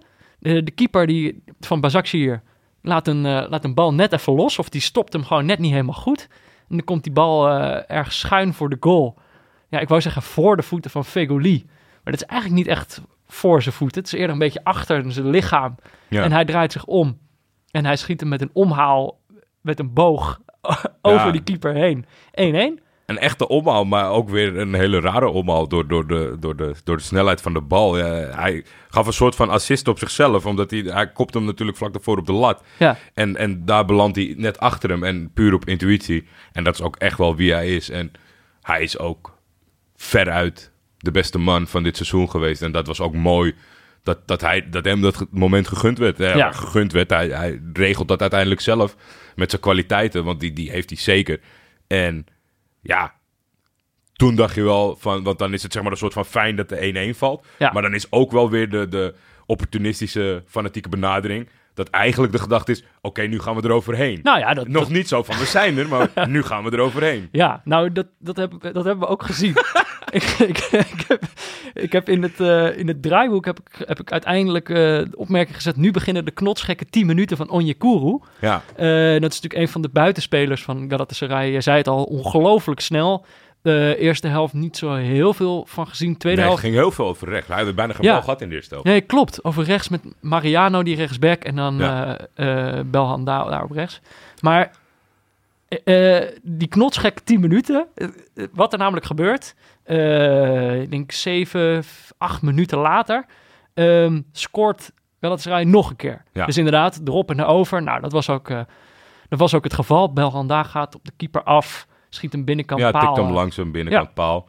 Goeie goal. Eh, iedereen juichen, juichen, juichen. Nou, ik, eh, ik zei ook al tegen mijn vriendin van... Nou, gelukkig staan toch voor. Jordi zal wel, Jordi zal wel We blij kunnen zijn. een uitzending maken.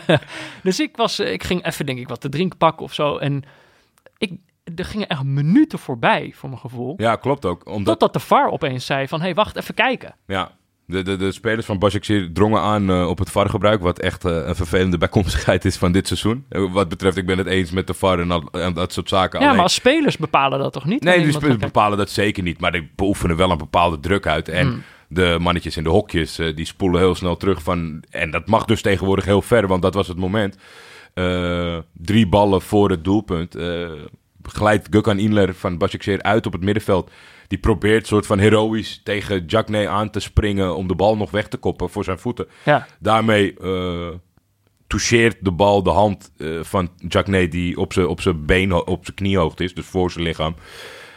En daarmee zet hij de aanval op waar de 2-1 valt. Eh, de scheidsrechter zegt Hens, gezien de commotie en, en vooral dat, het, dat, het, dat de aardsrivalen altijd vinden dat Galatasaray bevooroordeeld werd. ja. Prima. Ik, Prima. ik, nou, oh, je bedoelt dan, dan kunnen ze dat niet meer zeggen. Ik, ik denk dat er veel mensen zijn, als die het moment terugkijken, dat ze niet vinden dat dit Hens was. Nee. Maar prima. Ik vond ook, ik vond ook, hij had er niet echt voordeel aan dat hij daar hens maakte. En dit was eh, in die zin prima. Dit was een- een klein lontje wat bij mij ontstoken werd. dus ga vooral verder wat, eh, wat er daarna nog gebeurde. Nou, want eh, dat was dus de 55ste minuut. En dan eh, gaan we vijf minuten verder. Dan maakt Onyekuru maakt de 2-1. Ja. Ah, nog een keer. Die was net al gemaakt. Maakt hem. Ehm, maar eigenlijk, en hij trekt onmiddellijk zijn shirt uit. Weet je wel, juichen. Het stadion gaat helemaal los. Maar eigenlijk, er wordt meteen al gevlacht. Dit keer komt er geen VAR bij kijken. De, de grensrechter heeft gewoon al gezien, hij stond buitenspel. Nou, ja, dan krijg je dat beeld weer terug. Het is echt het is één voet, Ja. een halve voet. Nou, ja, heel goed gezien. heel goed gezien. Wonderbaarlijk goed gezien. Maar eh, wat ik zo gek vond, Onyekuru kreeg toch nog geel voor het uittrekken van zijn shirt. Terwijl, ja, je hebt die goal toch afgekeurd? ik zag dit in het draaiboek staan. Toen dacht ik van shit, ik moet heel even eh spelregelkoning van Nederland, Mark van Rijswijk, informeren hoe dit zit. Maar ik ga, dit op, ik ga dit op Twitter nog even aan de luisteraars eh, mededelen, want ik ben dat vergeten. Want ik dacht precies hetzelfde. Ik dacht van ja, oké, als je de doelpunt eraf kunt, geef hem dan ook geen geel. Nee, precies, want hij had het zijn shirt nooit uitgetrokken als, als hij Als wist hij dat hij afgekeurd Ja. werd. Dus ik vond, vond dat heel gek, maar ik dacht eigenlijk vooral, je binnen vijf minuten worden twee, twee goals afgekeurd. Dat is ook een, eh, een, een mentale klap, Ja, toch? Ik bedoel, nou ja, dat zou het kunnen zijn. Alleen, eh, ik, denk, ik denk bij deze, bij deze ploeg door deze trainer niet. nou, En dat zie je ook natuurlijk eh, een minuut later. Een minuut later.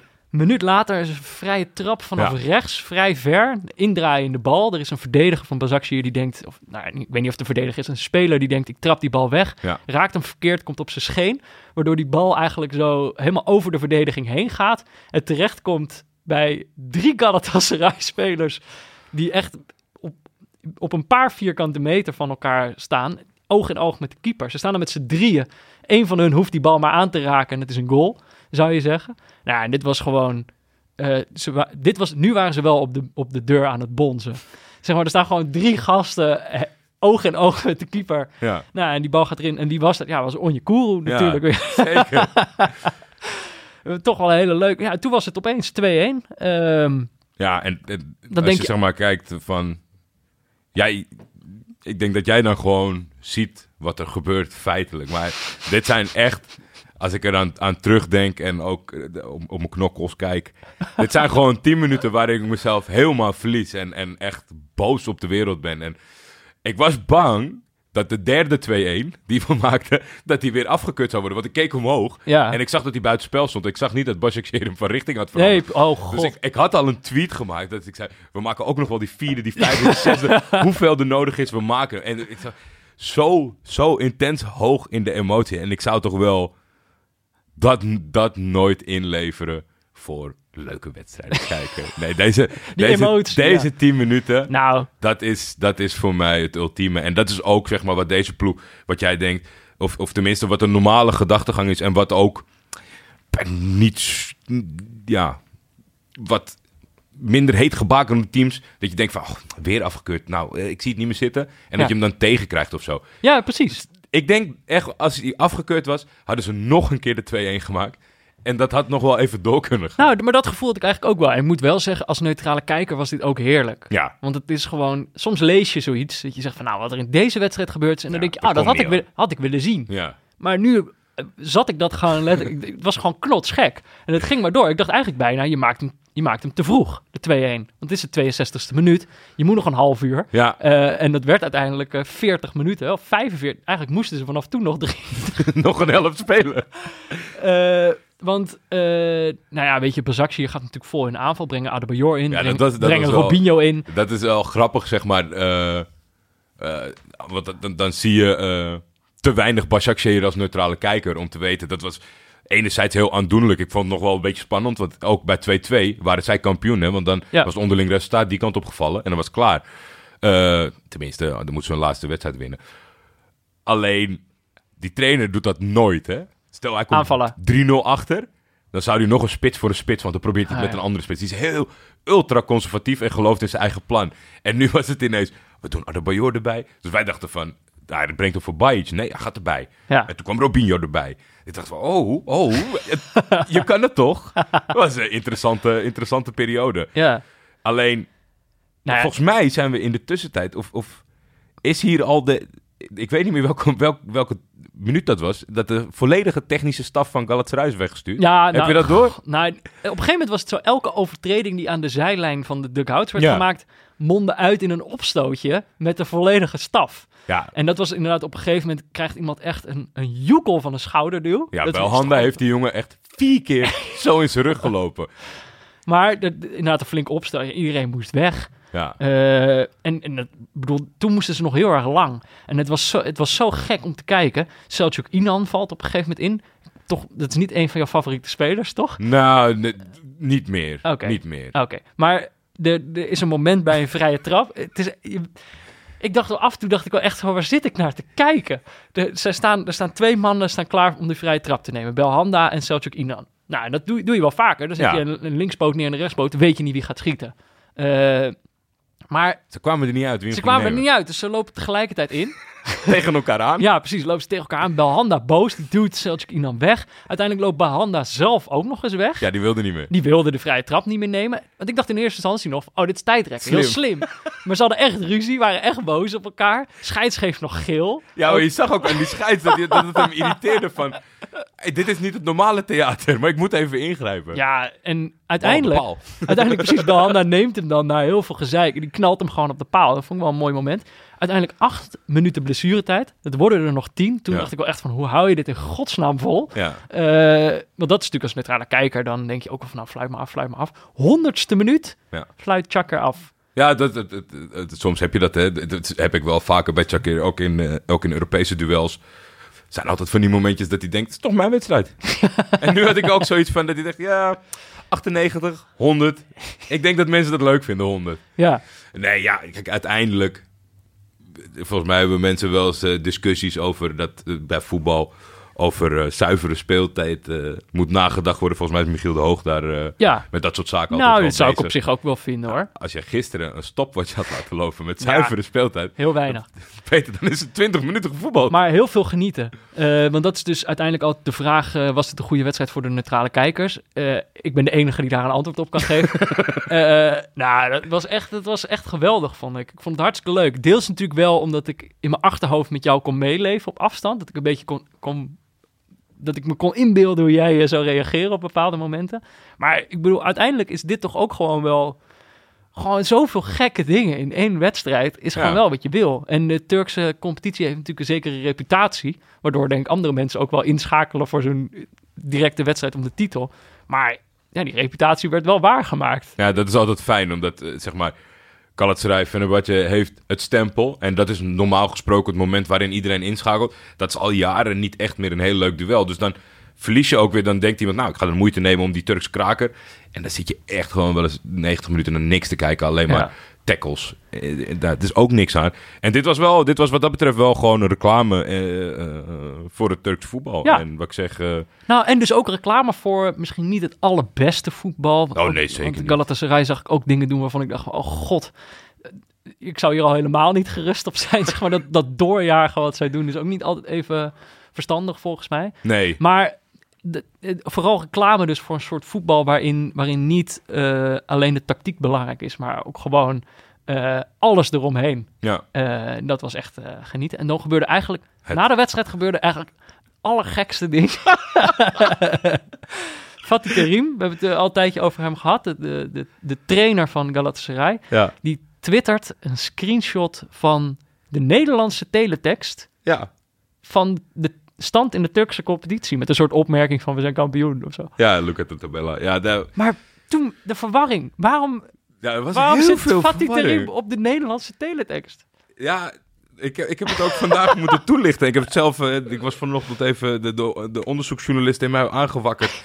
en met hulp van wat jongens eh, eh, uiteindelijk bij, de, bij de vormgever van, dit, van deze terugkerende gewoonte ben ik beland. Maar ik, ik- in eerste instantie was ik echt... eh, in Turk heb je zo'n Jij wist ook niet waarom. Nee, ik wist in eerste instantie niet waarom. Ik deed er wel aan mee, maar kijk, zo zie je maar, meeloper dat ik ben. Ik wist helemaal niet wat het verhaal erachter was. Ik vond het gewoon leuk. Eh, maar ik moet wel zeggen, met Turkije altijd gekscherend op het moment dat er eh, maar een, een, een, centimeter bloed Turks is, dan gaan de vlaggen op het balkon en eh, weet je, dan komt de trots naar boven. Ja. Maar hoe Nederland hierop reageerde, dat was echt niet normaal. Ik heb niet eerder meegemaakt dat, eh, Ja, toch een Nederlands tintje. hè? ja, behoorlijk Nederlands bedoel, tintje. eh, En iedereen wilde Donk- weten, waar komt het vandaan? Ja. Nou ja, Donk werd meteen geopperd dat die zal het wel doorgestuurd hebben. Oh ja. Nou ja, laten we in ieder geval het idee weghalen dat Donk een appie stuurt naar Terim. Met hey, Hier, de stand. de stand De van stand. de Nederlandse teletext. Maak kijk- even een leuk tweetje. We staan bovenaan. Ik kijk naar die stand. We staan boven. Ik zet teletext aan. maar wat is het nou? Nee, het verhaal is zo. eh, de, de, in 2012 was er eh, een, een, een Turkse twitteraar met veel volgers van Beşiktaş. Die nam de koppositie over. Mhm. Die deden de, eh, de stand van de Turkse teletext. Van TRT nog destijds. Alleen, sommige landen stoppen met teletext. Ja. En Galatasaray die pakte daarna de eh, eh, koppositie weer over. En dat werd een beetje een gimmick om te doen van... Haha, weet je, we ja. hebben de koppositie weer in hand. En ook wel een stukje bijgeloof dat altijd als dat moment daar was... dan bleven ze ook op de, op de nummer 1 positie. Ah, ja. Geen teletext meer in, in, in Turkije. Dus wat nu? Ja. Een, eh, de Galatasaray tegenhanger van de Blanke Bogarde... die had een Nederlands-Turkse vriendin. Mhm. En die zei... In Nederland hebben we ook gewoon teletext. Als je wil, regel ik screenshotjes voor je. Ah ja. Dus hij ging elke keer die Nederlandse teletext eh, posten. En dat werd gewoon een dingetje wat omarmd werd online social media. Vaak gepost op het moment dat het, het stuivertje wisselen was of dat het binnen was. Ja. En Galatasaray heeft en Terim heeft gewoon een uitmuntend social media eh, manager beleid. Mensen die daarmee bezig zijn. Ja. Eh, die vond gisteren het moment daar. Want het was een beetje dubbel. Er zat ook een zelfspot in over zijn ja. eigen Engels. Want dat was de, de caption. Uh, En ja, pure toevalligheden bij elkaar. Maar Ja, het- dat leuk. er zoveel liefhebbers van Nederlands teletext waren binnen Nederland, dat wist ik niet. En ik ik, eh, ik gun het jullie van harte dat het voor altijd blijft. Teletext is de toekomst, Jordi. ik denk het. En over toekomst gesproken, Pieter Zwart. Echte teletextman. Ja, denk ik ook wel. Ja, denk ik. Voor de zekerheid nog even. Kijk een pressing. Kijk een pressing.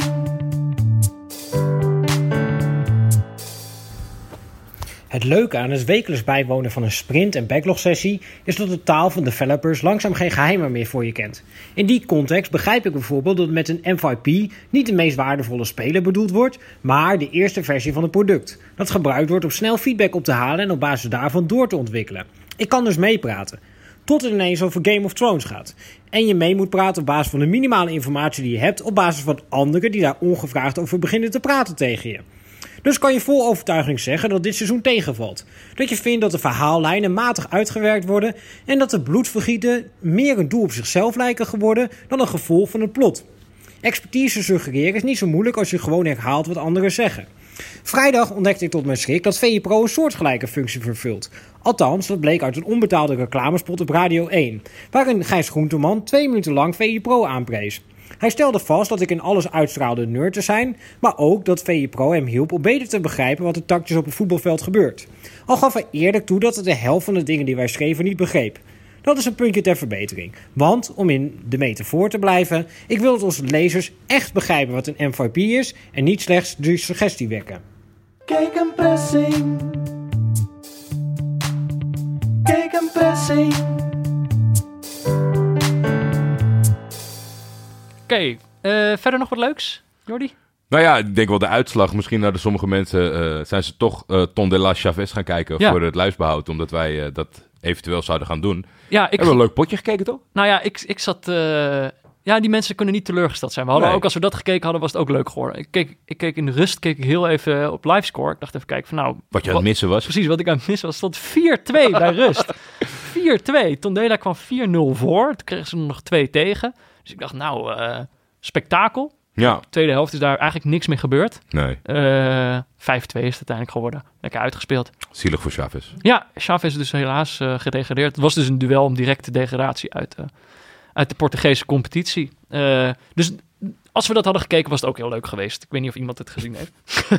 maar dat was dus ook top geweest. Ja, Hebben we nog een eh, VI Pro artikel van de week? ja zeker weten. Jij, jij was hier heel gedecideerd over. Eh, ja, dat komt altijd omdat, ja, ik kan hem niet, niet dat echt kwalijk nemen. Ik vind het altijd leuk als eh de Blanke Bogarde wordt geïnterviewd door de media. Ja. Dat doet hij niet veel aan mee. Volgens Nee, mij maakt hij jaarlijks, eh, jaarlijks aan het begin van het seizoen een uitzondering. Ik weet niet of dat in het parool is. Ja, is parool. Ja, hè? die vooruitblik van het seizoen. Ja. En ja, het is gewoon een Lars Gozer die iets, iets te weinig tweet in mijn optiek.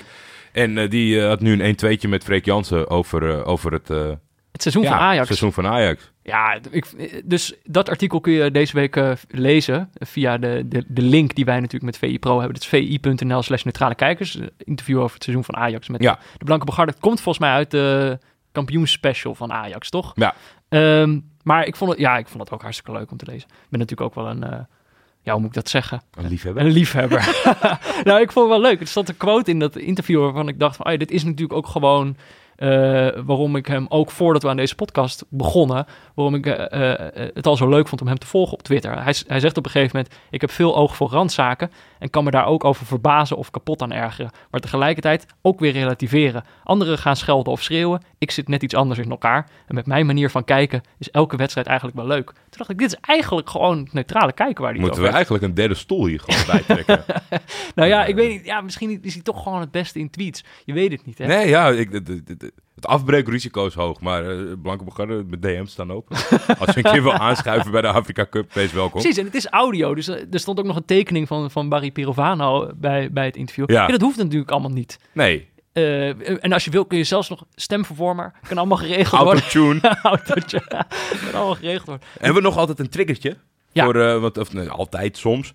Is er ook wel eens een niet-gratis artikel van, van de week? Mhm. Eh, ja, zo, want dit is natuurlijk... Kijk, dit artikel met, met de Blanke Begarde, dat kun je dan gratis lezen. ja. Maar ja, dat is Had natuurlijk je allemaal... ook voor een euro kunnen lezen. Ja. Want je kan via de andere link een abonnement afsluiten op je eerste maand die een euro kost. Ja, dat is, dat is niks. Nee, dat, dat verdien je hier eh, per woord. Frenkie de Jong kostte een euro. Ja. Dus voor een Frenkie de Jong kun je gewoon... Dat is misschien niet de beste reclame. Tegenwoordig kost die 70 miljoen. Maar we geven dus ook niet gratis artikel, artikel tips... zodat je een abonnement gaat nemen. en gaat Ja, lezen. dat je dat wil lezen. Ja. Ik vond wel leuk. eh, Jos Boesveld die heeft eh, alle directe tegenstanders van eh Dusan Tadic opgebeld. Denk ik. Ik denk niet dat hij ze bij alles 16 is langs gegaan. Is Een leuke roadtrip. on- nogal een onderneming. Ja. En eh, waarom, eh, die heeft gevraagd waarom het zo lastig is om hem eh, af te stoppen. Oh, leuk, heel en ik leuk. vond vooral ook gewoon de openheid en, en de medewerking van al die tegenstanders. Ik vind het hartstikke leuk dat je dat wil doen. Ik begrijp ook heel goed dat er één ploeg ontbrak. Dat was PSV. ja. Wie was daar zijn directe tegenstander dan? Speelde hij toen aan de zijkant of centraal? Ja, het zou, misschien Dumfries, toch? Dumfries? Ja, maar ja, dat was. ja, maar dat is dan eigenlijk gewoon. Kan, eh, tweede worden woede. Want eigenlijk. ja, in thuisduel hebben ze Ajax redelijk Ah, maar vernietigd. dat vind, ik- vind ik prachtig. Tweede worden woede is prachtig. Dat Ja, moet je gewoon koesteren. Ja, Ja. gewoon niet laten interviewen. Nee, Maar ik vond werk je niet aan mee. Stom. Dit is ook wel. als je- Oké, dit is misschien ook nog een goede trigger om dat andere artikel te lezen. De Blanke Bogarde had echt een uitstekende kwalificatie van wat voor soort speler Tadic is. Klopt. Waardoor ik eigenlijk ook nooit meer echt van hem zou kunnen genieten. Behalve misschien van dat ene filmpje Tadic on fire. Maar verder, het, was zo treffend dat ik wel dacht, oh shit. Ja, ja hij heeft uh, Tadic eh, voor veel mensen verpest. Dankjewel. Dankjewel daarvoor. Eh, ik las nog iets anders heel, heel grappig. Jij kan Mourinho niet loslaten, hè? Het is toch... Dat is op een of andere manier... Hij is, Mourinho is een beetje mijn muze, denk ik. ik moet gewoon zo lachen om die man. Hij, hij belichaamt eigenlijk alles wat verschrikkelijk is. Eh, maar ja, als je het dan hebt over verhalenvertellers... is hij, is hij natuurlijk wel echt... eh, bij uitstek die man. Eigenlijk misschien nog wel meer sinds hij geen club meer heeft. Wat natuurlijk ook wel een beetje... Ik bedoel, je doet gewoon je PR. Dus je, hij blijft zichzelf in de markt zetten als een bepaalde Ja. bepaald type trainer. Eh, en een van de opmerkingen die, die, die laatst dan ook maakte, hij heeft het dan natuurlijk nu, haalt hij natuurlijk zijn gelijk over Manchester United. Nu Solskjaer echt eh, van een soort glijbaan naar beneden aan het roetsen is qua resultaten. Zegt hij ook van ja, iedereen lachte mij uit toen ik, eh, toen ik tweede werd met Manchester United. En dat ik zei dat het mijn beste prestatie ooit was. Nu zien jullie hoe slecht die club werkelijk is. Maar hij zei iets anders, daar moest ik zo om lachen. Hij, hij zegt dat Solskjaer's fout is dat hij eh, de nice guy is. Ja. Dat is zijn analyse. En eh, dit staat in het Nederlands geschreven. Ik heb niet gekeken Ja. wat, wat hij in het Engels zei. Dat Maar, he- heeft, ooit, heeft ooit lekkerder gestaan. Maar even goed, de, nou, maar de- ik vind de Nederlandse vertaling juist zo mooi. lulliger. Ja, mooi lulliger. Ja. Hij zegt, ik wilde nooit de nice guy zijn tegenover de spelers. Waarom niet? Omdat de nice guy na drie maanden een soort trekpop is. En dat loopt altijd verkeerd af. Dus sindsdien heb ik een soort beeld van Solskjaer als trekpop in mijn hoofd. Hij, hij is gewoon wel een soort trekpopje. Ja. En eh, Ik vraag me toch af, eh, wat kan, er nou, wat kan er nou fout gaan aan de trekpop? Wat hij denkt. Nou, trekpop is, die kan niet uit zichzelf bewegen. Ja. Dus als iemand, eh, als iemand aan het touwtje trekt, dan doet hij zijn armen zo omhoog. Ja. Dus, hij, dus je gaat eh, meer eh, doen wat anderen willen in plaats van doen wat je zelf wil. Ja, Mensen ja, weten nee, dat jij een ook- touwtje hebt. Wat dat betreft vind ik ook opmerkelijk, want hij wordt natuurlijk redelijk gebekt en daardoor had hij een nog grotere kans van slagen dan, dan andere gasten, omdat Sir Alex Ferguson zo'n goedkeuring geeft. Ja. Maar Sir Alex was absoluut geen Mr. Nice Guy. Nee, Eh, heugelijk nieuws. ja. Ooit ook- artikel van de week geweest als onderwerp. Er waren ook mensen die dit naar ons stuurden. Ja. Was natuurlijk al, het was al een heel bijzonder verhaal van Santi Cazorla, Spaanse middenvelder. Eh, had op een gegeven moment een infectie in zijn been. Arts zei tegen hem van ja, ik denk dat we hem eraf moeten halen. Uiteindelijk is dat niet Wil je doorgegaan. toch niet horen? Nee, wil je niet horen als, als je been letterlijk het ding is waarmee je geld verdient. Ehm, en Cazorla is natuurlijk ook een, een, een liefhebber, dus daarom wil hij ook zijn been niet kwijtraken. En hij is ook gewoon een mens, Die wil ook zijn been niet kwijt. dus hij wilde dat niet. Eh, hij is zijn been uiteindelijk niet kwijtgeraakt. Sterker nog, hij is genezen. Hij is teruggekeerd als voetballer. Had, had eigenlijk al een heel mooie return bij Villarreal dit seizoen. Groot aandeel gehad eh, in het eh, moeizame seizoen om een soort van degradatie te behoeden. En nu is hij teruggekeerd in de Spaanse selectie. Ja, ik, heb, ik EK-kwalificatiewedstrijd. vind het heel mooi. En ik vind vooral ook heel mooi dat de bondscoach hier toch wel aan symboliek doet. Weet je wel, hè? Ja, want dat, meer dan dat kan ik me niet voor. Hij heeft echt een goed seizoen. Alleen eh, de, de, de, de, de oneindige spelers waar Spanje uit kan putten. Ja. Maar ik vind het wel mooi dat ze het doen. Want Ze moeten, ja, Zweden. Zweden en Faroe-eilanden. Ja. Nou ja, maar dan kun je dat veroorloven. Dan laat je hem gewoon lekker 90 minuten tegen de Faureur spelen. Maar het is natuurlijk ook nog steeds een fantastische voetballer. Ja, maar, ja, oh nee.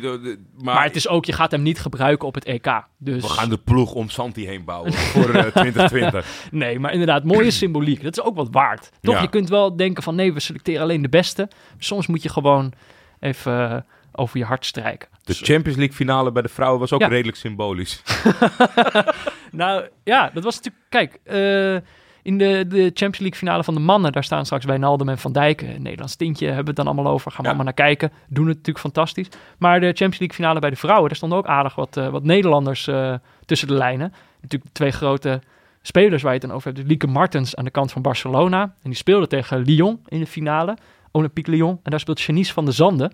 Toch wel tijdens dat EK een van mijn favoriete speel- Absoluut. speelsters was. Omdat zij zo'n herkenbare stijl heeft. Je weet gewoon, zij weet ook precies wat zij kan en wat zij niet kan. Ja. Dus het is gewoon, zij is pijlsnel. Dus die wordt gewoon ook tijdens deze wedstrijd, wordt zij een paar keer gelanceerd over de rechterkant. Ik heb de wedstrijd niet gezien, ik heb de samenvatting alleen gezien. Wel super vet trouwens dat eh Ziggo Sport deze, die Champions League finale eh, live uitzond. Want ik Ja. dacht van, eh, dat wordt weer een streampje. Uiteindelijk heb ik hem ook niet kunnen zien, maar ik, ik had wel heel graag willen kijken. Alleen, eh, Lyon is wel eh, Maar zelfs de- iets te dominant. De eh. Spaanse competitie had zelfs eh, eh, hun tijden niet verzet. Zij zouden eerst hun tijden gaan verzetten, dus de, de, Ja. de mannencompetitie. die- Juist om ervoor te zorgen dat Meer, iedereen eh, die vrouwenwedstrijd zou kunnen zien. Dus dat zijn allemaal goede signalen, maar de wedstrijd was niet echt een wedstrijd. daarom, daarom noemden we hem symbolisch. Het stond in een half uur al 4-0 voor Lyon. Ja. Eh, twee assists van Van der Sande, eigenlijk precies op de manier waarop ik zei, gewoon gelanceerd vanaf rechts. Geeft hem gewoon super strak voor en dan eh, staat daar, eh, hoe heet zij, die Hedeberg, die knalt hem dan gewoon eh, binnen. ja, die, is dat die vrouw die zo goed kan twerken? Nou ja, je, Was je hem bijna vergeten, hè? Martin Solveig. Oh, ja, je kan hem kennen van de, je kan haar kennen van dat moment, ja. Maar ook eh, van dat ze een fantastische eh, voetballer is. Maar dat Lyon was gewoon veel te goed. Ja. Eh, uiteindelijk werd het 4-1. Eh, nog wel een, schitterende assist van, van Martens bij de enige goal van Barcelona. Echt een soort solo waarbij zij wegdraaft bij een paar spelers alsof ze er niet kan, staan. zij kan echt wel voetballen. Ja, en een steekbal. Ehm, maar eh, ja, 4-0. Ik vind het heel leuk dat Lyon bij de vrouwen zo, nog zo'n grootmacht is. Omdat het natuurlijk wel... Het is natuurlijk een mooie club. Heel lang in Frankrijk ook een grootmacht geweest. Precies in de tijd dat ik voetbal aan het volgen was. Ja. Eh, maar die hebben eerder dit Champions League seizoen... hebben ze Ajax met 9-0 uitgeschakeld. ja, maar dat was wel... Als die eerste bal van Ajax erin was gegaan... Het net de andere dat, kant is, dat is gewoon, echt gewoon... volgens mij is het al een tijdje, dat, eh, dat, dat ongenaakbare Lyon. Geweldig. Hey, Pittig. eh, ander nieuwtje, klein nieuwtje. Ik natuurlijk heel hard te zuchten om City. Ah, klein. Ik vind groot nieuws. Vind het gro- ja, oké, het is wel groot nieuws. Compagnie, Ja. speler-trainer bij Anderlecht. ja. Gedoemd om te mislukken. ik, dacht, ik dacht precies bij dit, dacht ik, kijk, liter- literaire waarde, heel hoog. ja. Je haalt de verloren zoon binnen. Eh, voor hem is het verhaal natuurlijk ook prachtig. Door zijn goal, met zijn wondergoal zijn ze kampioen geworden. Scoort nooit en schiet nu eh, City naar een kampioenschap. Dan afscheid nemen, zelf bepalen dat je afscheid neemt. Terugkeren naar je oude liefde. Speler, trainer, Alles beslissen. alles. Dat gaat natuurlijk helemaal mis. Ja, ik, ik las... eh, hij had op Facebook een heel vraag geschreven over hoe het tot stand was gekomen. En ja. hij wilde eerst gewoon gratis advies geven. En uiteindelijk eh, heeft, heeft het bestuur een, een plan uitgeschreven. En hebben hem weten Hmm. te overtuigen. Ja, Maar het verhaal is goed. het verhaal is goed. En we moeten het misschien ook niet kapot maken voor het überhaupt begint. Nee. Maar het is, het is leuk om te volgen, denk ik, volgend seizoen. Maar het kan het Solskjaer-effect zijn, hè? want daar was het verhaal ook goed. Weet je wel, je haalt iemand van die, die, die Class of 92, haal je terug. Echt Ja. weer Ferguson, weer plezier in het voetbal. Kijk, Anderlecht zit natuurlijk een beetje in hetzelfde schuitje nu. Ehm, maar ja, dit is... pot eh, gemaakt door Fredbal. ja, als je Fred Rutte, daar herstel je niet zomaar van. nee, maar het is wel het gewoon wat dat betreft een ideaal instapmoment. Maar- Want het gaat natuurlijk heel slecht met Anderlecht. Dus Ja. de lat ligt laag. Alleen, het blijft Anderlecht, een, een, een topclub in België... waar Ja. de druk altijd hoog zal blijven. ben benieuwd. En het is altijd... Wanneer breng je jezelf in zonder de hiërarchie of iets Ja. kap- groepsgevoel kapot te maken? Dat je, Ik weet het niet. Uiteindelijk is de strekking... Ik kan het zelf beter. En dan moet je erin... Gullit deed dat ook. Dat, was zo pijnlijk. Want dan liep het niet in de wedstrijd en dan denk je... Nou, ik doe het wel weer. ja. Dat is, anders kan het niet verantwoorden. Dan moet je in de basis gaan spelen misschien. ja, ik hoop dat, het niet, dat hij zoveel respect heeft dat het niet voor frictie gaat zorgen. Dat, Nee. dat mensen ook echt denken, ja, maar jij kan het ook beter. Nou ja, wie het Eh, ook eh, goed heeft gedaan. Ja, over trainers eh, gesproken. Peter Bosch. Ja, dit was natuurlijk... Tijdens dit seizoen werd hij aangesteld bij Leverkusen. Stonden zij negende. We waren flink aan het onderpresteren. En ik dacht toen nog een beetje van... Ja, wat valt daar dan eigenlijk Ja. te halen? Ik had toen een beetje onderschat van hoe, wat voor prestatie het nog zou zijn om Champions League te halen. Wat Hij zelf ook, bleek. Ja, eh, maar ehm, dat was uiteindelijk een flinke kluif. Tot de laatste speelronde moest het duren voordat zij de vierde plek pakte. eh, die recht geeft op eh, Champions League plaatsing. Wel wat voorrondes, denk ik. Maar ehm, het is er gelukt. Ja, ik vond het mooi dat hij toegaf van... aan het begin hebben we het- expres eh, niet zoveel gecommuniceerd. Maar het was wel stiekem ons doel om die Champions League te halen. dat is en dat is heel het beste. Ja, denk ik ook, tuurlijk. Maar Anders wordt het meteen... Want hij verloor toen die eerste wedstrijd. Dan is het meteen van, oh, eh, heb je Peter met de Champions League. nou ja, hij verloor die eerste wedstrijd van Gladbach. Mm. En nu gaat hij over Gladbach heen naar de, naar de vierde plek. Dus eh, symbolischer kan niet. En een geweldige prestatie. Ik ben benieuwd. Ja, het is, volgens mij is, zijn, is de grootste uitdaging is om al die goede spelers te houden. Te behouden deze zomer, ja. Ehm, maar ja, 1-5 bij Hertha. Dat is natuurlijk eh, ook niet mal. Dat heb ik ook gezien bij het schakelkanaal. Kwamen Ja. ze ook een paar keer voorbij. Dan heb je ook uh, bij de München voorbij zien komen. Die toch nog kampioen zijn geworden. Zeker. Ja, Symbolisch ook. Doelpunten van Robben en eh Ribéry. op een gegeven moment komt die gelijk maken van Eintracht een beetje uit het niets. En dan eh, had ik heel even de hoop, zo, oh yes, toch Dortmund. Die stond op dat moment Ja. al voor. Maar dat werd echt heel gouden kop ingedrukt. Bayern is wel echt... eh, uiteindelijk inderdaad Robben en Ribéry worden ingebracht. Scoren allebei. Ribéry echt met een wondergoal. Ja. Echt prachtig.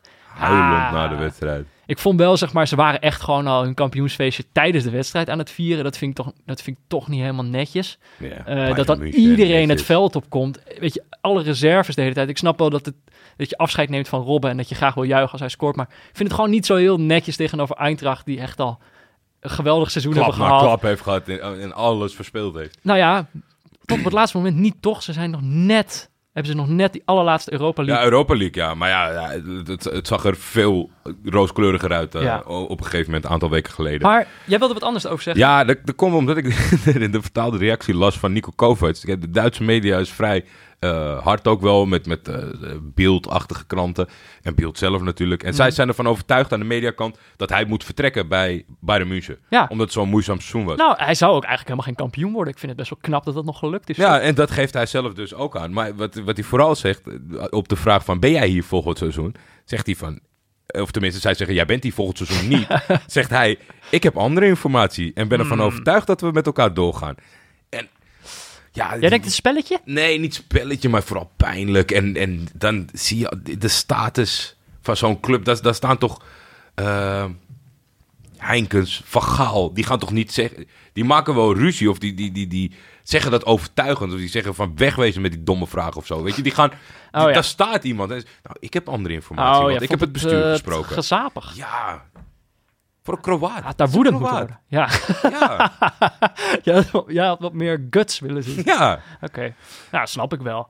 Snap Nou, wat ik ook meer guts had willen zien. Ik alleen maar bruggetjes. Heb jij de, onze Afrika Cup mascotte voorbij zien komen? Ja, ja zeker. De- de- die houden we natuurlijk een beetje in de gaten. Ja, En eh, mascottes, hè, daar, daar, eh, daar zijn wij dol op. dat is onze middle name. maar, maar ik weet het nog niet Nee, bij deze mascotte, joh. toch? Het is gewoon oh, een mini-faro. Ja, That's it. Een jongetje nou met niet eens echt. Het is gewoon een voetballetje met zo'n met zo'n farao hoed, muts, hoofddeksel. hoofddeksel, Hoe- hoe- rectificaties. Hoe zou ik dit in. respectvol zeggen? Ja, weet ik eh, ook niet. Maar Ik ja, die heet, feitelijk. Het is natuurlijk, kijk, bij Egypte ligt de, de, de symbolen liggen natuurlijk voor het oprapen. Weet je, je had er ook een wandelende piramide van kunnen maken. of een, een sphinx of een mummie of zo, weet je wel. Eh, maar ja, waarschijnlijk hebben ze zelf ook gewoon overwogen van we gaan het niet te maf doen. Maar we gaan wel, zeg maar, refereren aan, aan die, die, Aan het die land. super oude geschiedenis. Ja. Eh, Ik, vond het, eh, ik vond het een wat saai keuze. Geen mascotte waar ik voor zou juichen. nee, nee, nee, nee, nee. Eh Ars Nancy, dat heb ik zelf echt s'nachts heel hard om moeten lachen. Nancy heeft een verdediger Wilfried Mombe, Moimbe, en die is Frans. Mhm. En ja, die speelt op het tweede niveau, dus eh, het nationale team is ver weg. Maar hij was wel heeft, eh, speler van het jaar, Ja, hij heeft een prijs gewonnen, dus hij zit in de lift en de afkom komt eraan natuurlijk. Mhm. Dus hij had zoiets van, kan ik niet voor een ander land uitkomen? Want Frankrijk Oh, ja. is de lat misschien te hoog. ja. Dus hij is gaan denken, gaan denken. Toen dacht hij, Algerije, vind ik gewoon een prima land. En mijn vrouw komt er vandaan. Maar hij heeft zichzelf aangeboden. Ja, Hij heeft gezegd, kan maar ik niet voor ik heb geen idee wat hij dacht. het, is geen, het is geen geldige reden. Zo, hé, hey, eh, Algerije, kan ik niet bij jullie meedoen? Zo, ja, oké, maar ja, je hebt, eh, je hebt zeg maar niet de nationaliteit. Oh nee, dat klopt. Toch maar ergens anders. En dat laatste dingetje? Ja, vond ik wel, vind ik wel een dingetje. Ja, nou ja, ik heb het via jou gezien. Het is weggehaald ook. Echt? Ja, het is weggehaald. Want ik heb er meteen, eh, ik dacht meteen even, wat ik doe meestal wel verifiëren. Alleen ik was even een uurtje te laat. Oké, even voor de luisteraars, waar hebben we het over? Eh, de Instagram van Stevie Bergwijn. Was, de Insta- was het niet de Snapchat misschien? Eh, Oeh, dat Hmm. zou misschien nog wel kunnen, want ik heb geen Snapchat. Ah, Ik ben totaal niet geïnteresseerd Oh, in dus hoe ik eruit zou zien als vrouw. Het is een heel Maar onpopulaire mening. maar wie dat dus wel is, is Steven Bergwijn. Ja. Waren natuurlijk opeens die geruchten... Heftig dit wel. hoor. Maar opeens die geruchten dat, die, dat Ajax op hem zou gaan bieden. Ja, Dat was zo voor de laatste speelronde was dat nog zo. Dus eh, nou ja, dat vond PSV natuurlijk PSV boos. Nou ja, nee, on- natuurlijk. onbespreekbaar terecht ook. ja, En ik denk dat Ajax alleen al met die boze reactie zou kunnen leven. Het is meer een beetje bluffpoker van... Nou, Overmars had gezegd, als ik iemand goed vind en RVC geeft mij eh, bepaalde ruimte, dan koop ik wie ik wil. ja. Heftig. Maar, kijk, we leven in een tijd dat social media wordt geholpen. Of er zijn binnen de kadertjes, matchday, eh, eh, armpje omhoog. Sorry Thanks guys. to all the eh, fans. ja. En dat, hij had ook zo het seizoen afgesloten. Ja. Maar hij was even in Amsterdam. Hij komt uit deze contraille. Ja, hij en komt zijn gewoon, familie ja. komt ook uit deze buurt.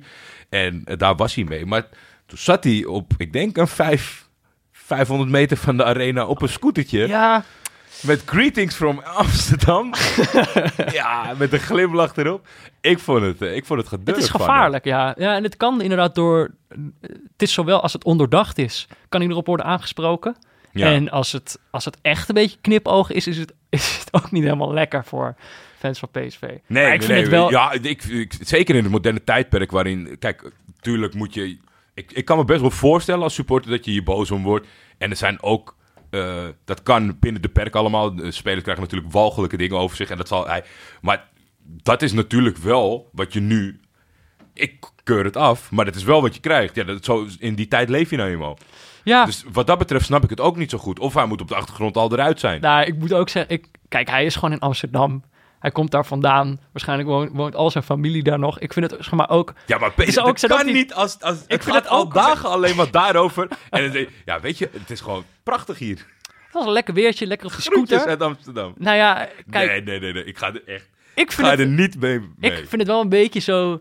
Het gaat wel een beetje richting transferjostie, vind ik. In de zin van dat je, dat je dan, weet je wel, dat er allemaal eh, foto's tijdens transferperiodes worden gedeeld van een bepaalde vlucht waar dan een voetballer in Eindhoven zitten. Amsterdam. Ja, Dat is wel discutabel. maar weet je, die, die spelletjes die altijd allemaal gespeeld worden, moet ik altijd wel om lachen. met alles wordt overgeïnterpreteerd. Met open armen ontvang, eh, ontvang ik de heer Bergwijn eh, in Amsterdam. In Diemen. Ja. Mag je even langskomen op de scooter.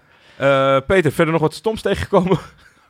Ik denk niet, ja, ik, we hebben hier even over nagedacht, maar er gaat voor mij echt niks over die huldiging van City heen. Dat is, het, is, het is zeg maar, het is op zich heel stom, maar het is in de context is het nog zoveel stommer. En ik denk echt, je ziet, een vers- je ziet een verschrikkelijke toekomst als je daar naar kijkt. En ik denk dat we met z'n allen moeten strijden om ervoor te zorgen dat het niet zo ver komt. Mooi gesproken. Ja, toch? Wij gaan geen wedstrijd kijken, maar we hebben natuurlijk wel eh, eh, de adviezen voor eh Knols Koek gewoon nog binnen gehad. En Ja. nog een tip van Tim Meurs, a.k.a. de makreelman.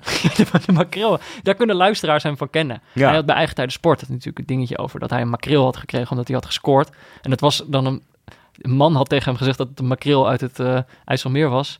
Maar dat, dat kon helemaal Dat was niet. een zoutwatervis. Kregen we heel veel rectificaties op. Ja. Ehm, maar hij had een eh, leuk advies voor een wedstrijd. Voor een amateurwedstrijd, dus echt om te bezoeken. Ik denk Ja. niet dat er een stream is bij eh, Marken Monnikendam. het is, nee, Om is- in Marken te komen moet je door Monnikendam. Dus het, het ligt nog allemaal gevoelig. eh, nou, dus het gaat om een titel en... Nou, het is, ik vond het wel een heel leuke uitnodiging. Kijk, we, we maken volgende week geen aflevering. Maar hij zei wel, het is wel, wij zijn nog niet echt bij een wedstrijd geweest. We hebben altijd maar een beetje zitten kijken. we zijn bij het afscheid van Ruud Vormer geweest. maar daar hebben we geen aflevering over gemaakt, zeg maar. Dus eh, hij, hij, hij eh, had als aanbeveling dat we, dat we daar zouden moeten gaan kijken. En eh, nou ja, een leuke tip natuurlijk. Marken Ja. tegen Monnikendam. Dus eh, mocht iemand daar zin in hebben... Ja, En- en ik heb nog een hele sloot, want er zijn nog wat, eh, wat eh, dingen gaande. Op zaterdagavond is waarschijnlijk het afscheid van Arjen Robben in ieder geval bij Bayern München met de bekerfinale tegen Leipzig. mhm. Moet wel een interessant potje worden. Nou, in Italië kan alles nog op zijn kop. Ik, ik zag Justin Kluivert deze week eh, een, Gigantische kans een blackout hebben voor het doel. Ja. Maar Empoli is bezig met een miraculeuze ontsnapping aan de degradatie. Die spelen nog tegen Inter. Fiorentina Genoa. Genoa moet punten pakken bij winst van Empoli. Anders eh, gaat Genoa er ineens uit. Toch Zo. wel een grote naam. In Portugal is de bekerfinale met eh, Sporting tegen Porto. Keizerbal. Keizerbal, altijd leuk. Eh, Allemaal dingen die wij missen. Competitie in Zweden is volle bak gaande. Ja, je weet, eh, Michiel kent en weet alles. Hakken ontvangt de plaatselijke IFK uit Göteborg. Ik zie allemaal. Speelt een 17-jarig supertalent, Benjamin Nigren. Maar ik zie Rasmus Lindgren loopt daar nog rond. Jo- Jona Toivio. Ja. Dat is toch- Dat zijn wel namen, zeg.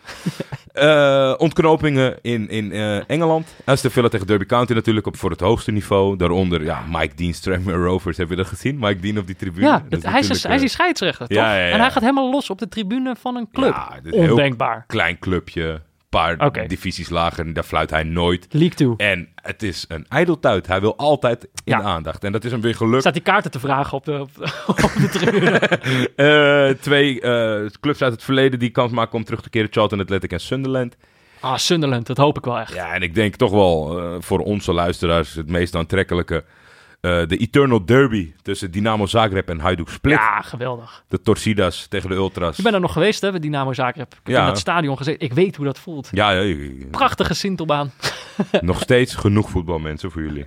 Ja, dus er is van alles te zien. Misschien ga ik het ook wel kijken, maar we maken er dus geen aflevering over. Nee. We zijn er over twee weken weer. Dan gaan we dit seizoen afsluiten, waardig afsluiten. Eh, gaan we onze conclusies trekken over het neutrale kijken. Eh, dus dan zien we jullie dan weer. Eh, of jullie horen ons eigenlijk. Wij zien helemaal niks. Wij horen jullie ook niet. Nee. Eh, voor nu was dit Neutrale Kijkers in samenwerking met Dag en Nacht Media. Veel dank aan eh, Auto.nl, natuurlijk onze sponsor. En aan VI Pro. Aan Pieter Zwart voor zijn diepteanalyse van de werkvloer. Aan Barry Pirovano voor zijn schitterende illustratie. Laurens Collet voor de gegenpressing jingle. En aan Studio Cloak en Leon Nischner en Friends voor de muziek. En natuurlijk bedankt aan alle luisteraars die deze week weer wat hebben ingestuurd. Dat kan natuurlijk altijd naar neutralekijkers.gmail.com. Eh stuur ook wat in voor onze laatste aflevering. Wil je, Ja. wil je terugblikken op een oudere wedstrijd? Je Wil mooiste moment van dit seizoen persoonlijk? ja, nou, zoiets. Dat zou, Ja. echt zou ik echt leuk vinden. Ik ja. ook. Zoiets, ja. Het mooiste moment van dit seizoen. Het mooiste neutrale kijkersmoment van dit seizoen, zou ik dan wel zeggen. Ja. Eh, stuur dat ook vooral op. Eh, je kan Jordi en mij natuurlijk ook bereiken op Twitter. Je kan een recensie achterlaten in je podcast-app. Dan kunnen mensen ons makkelijker vinden. Je kan je ook nog abonneren als je dat niet gedaan hebt. Ehm, volgende week zijn we dus niet.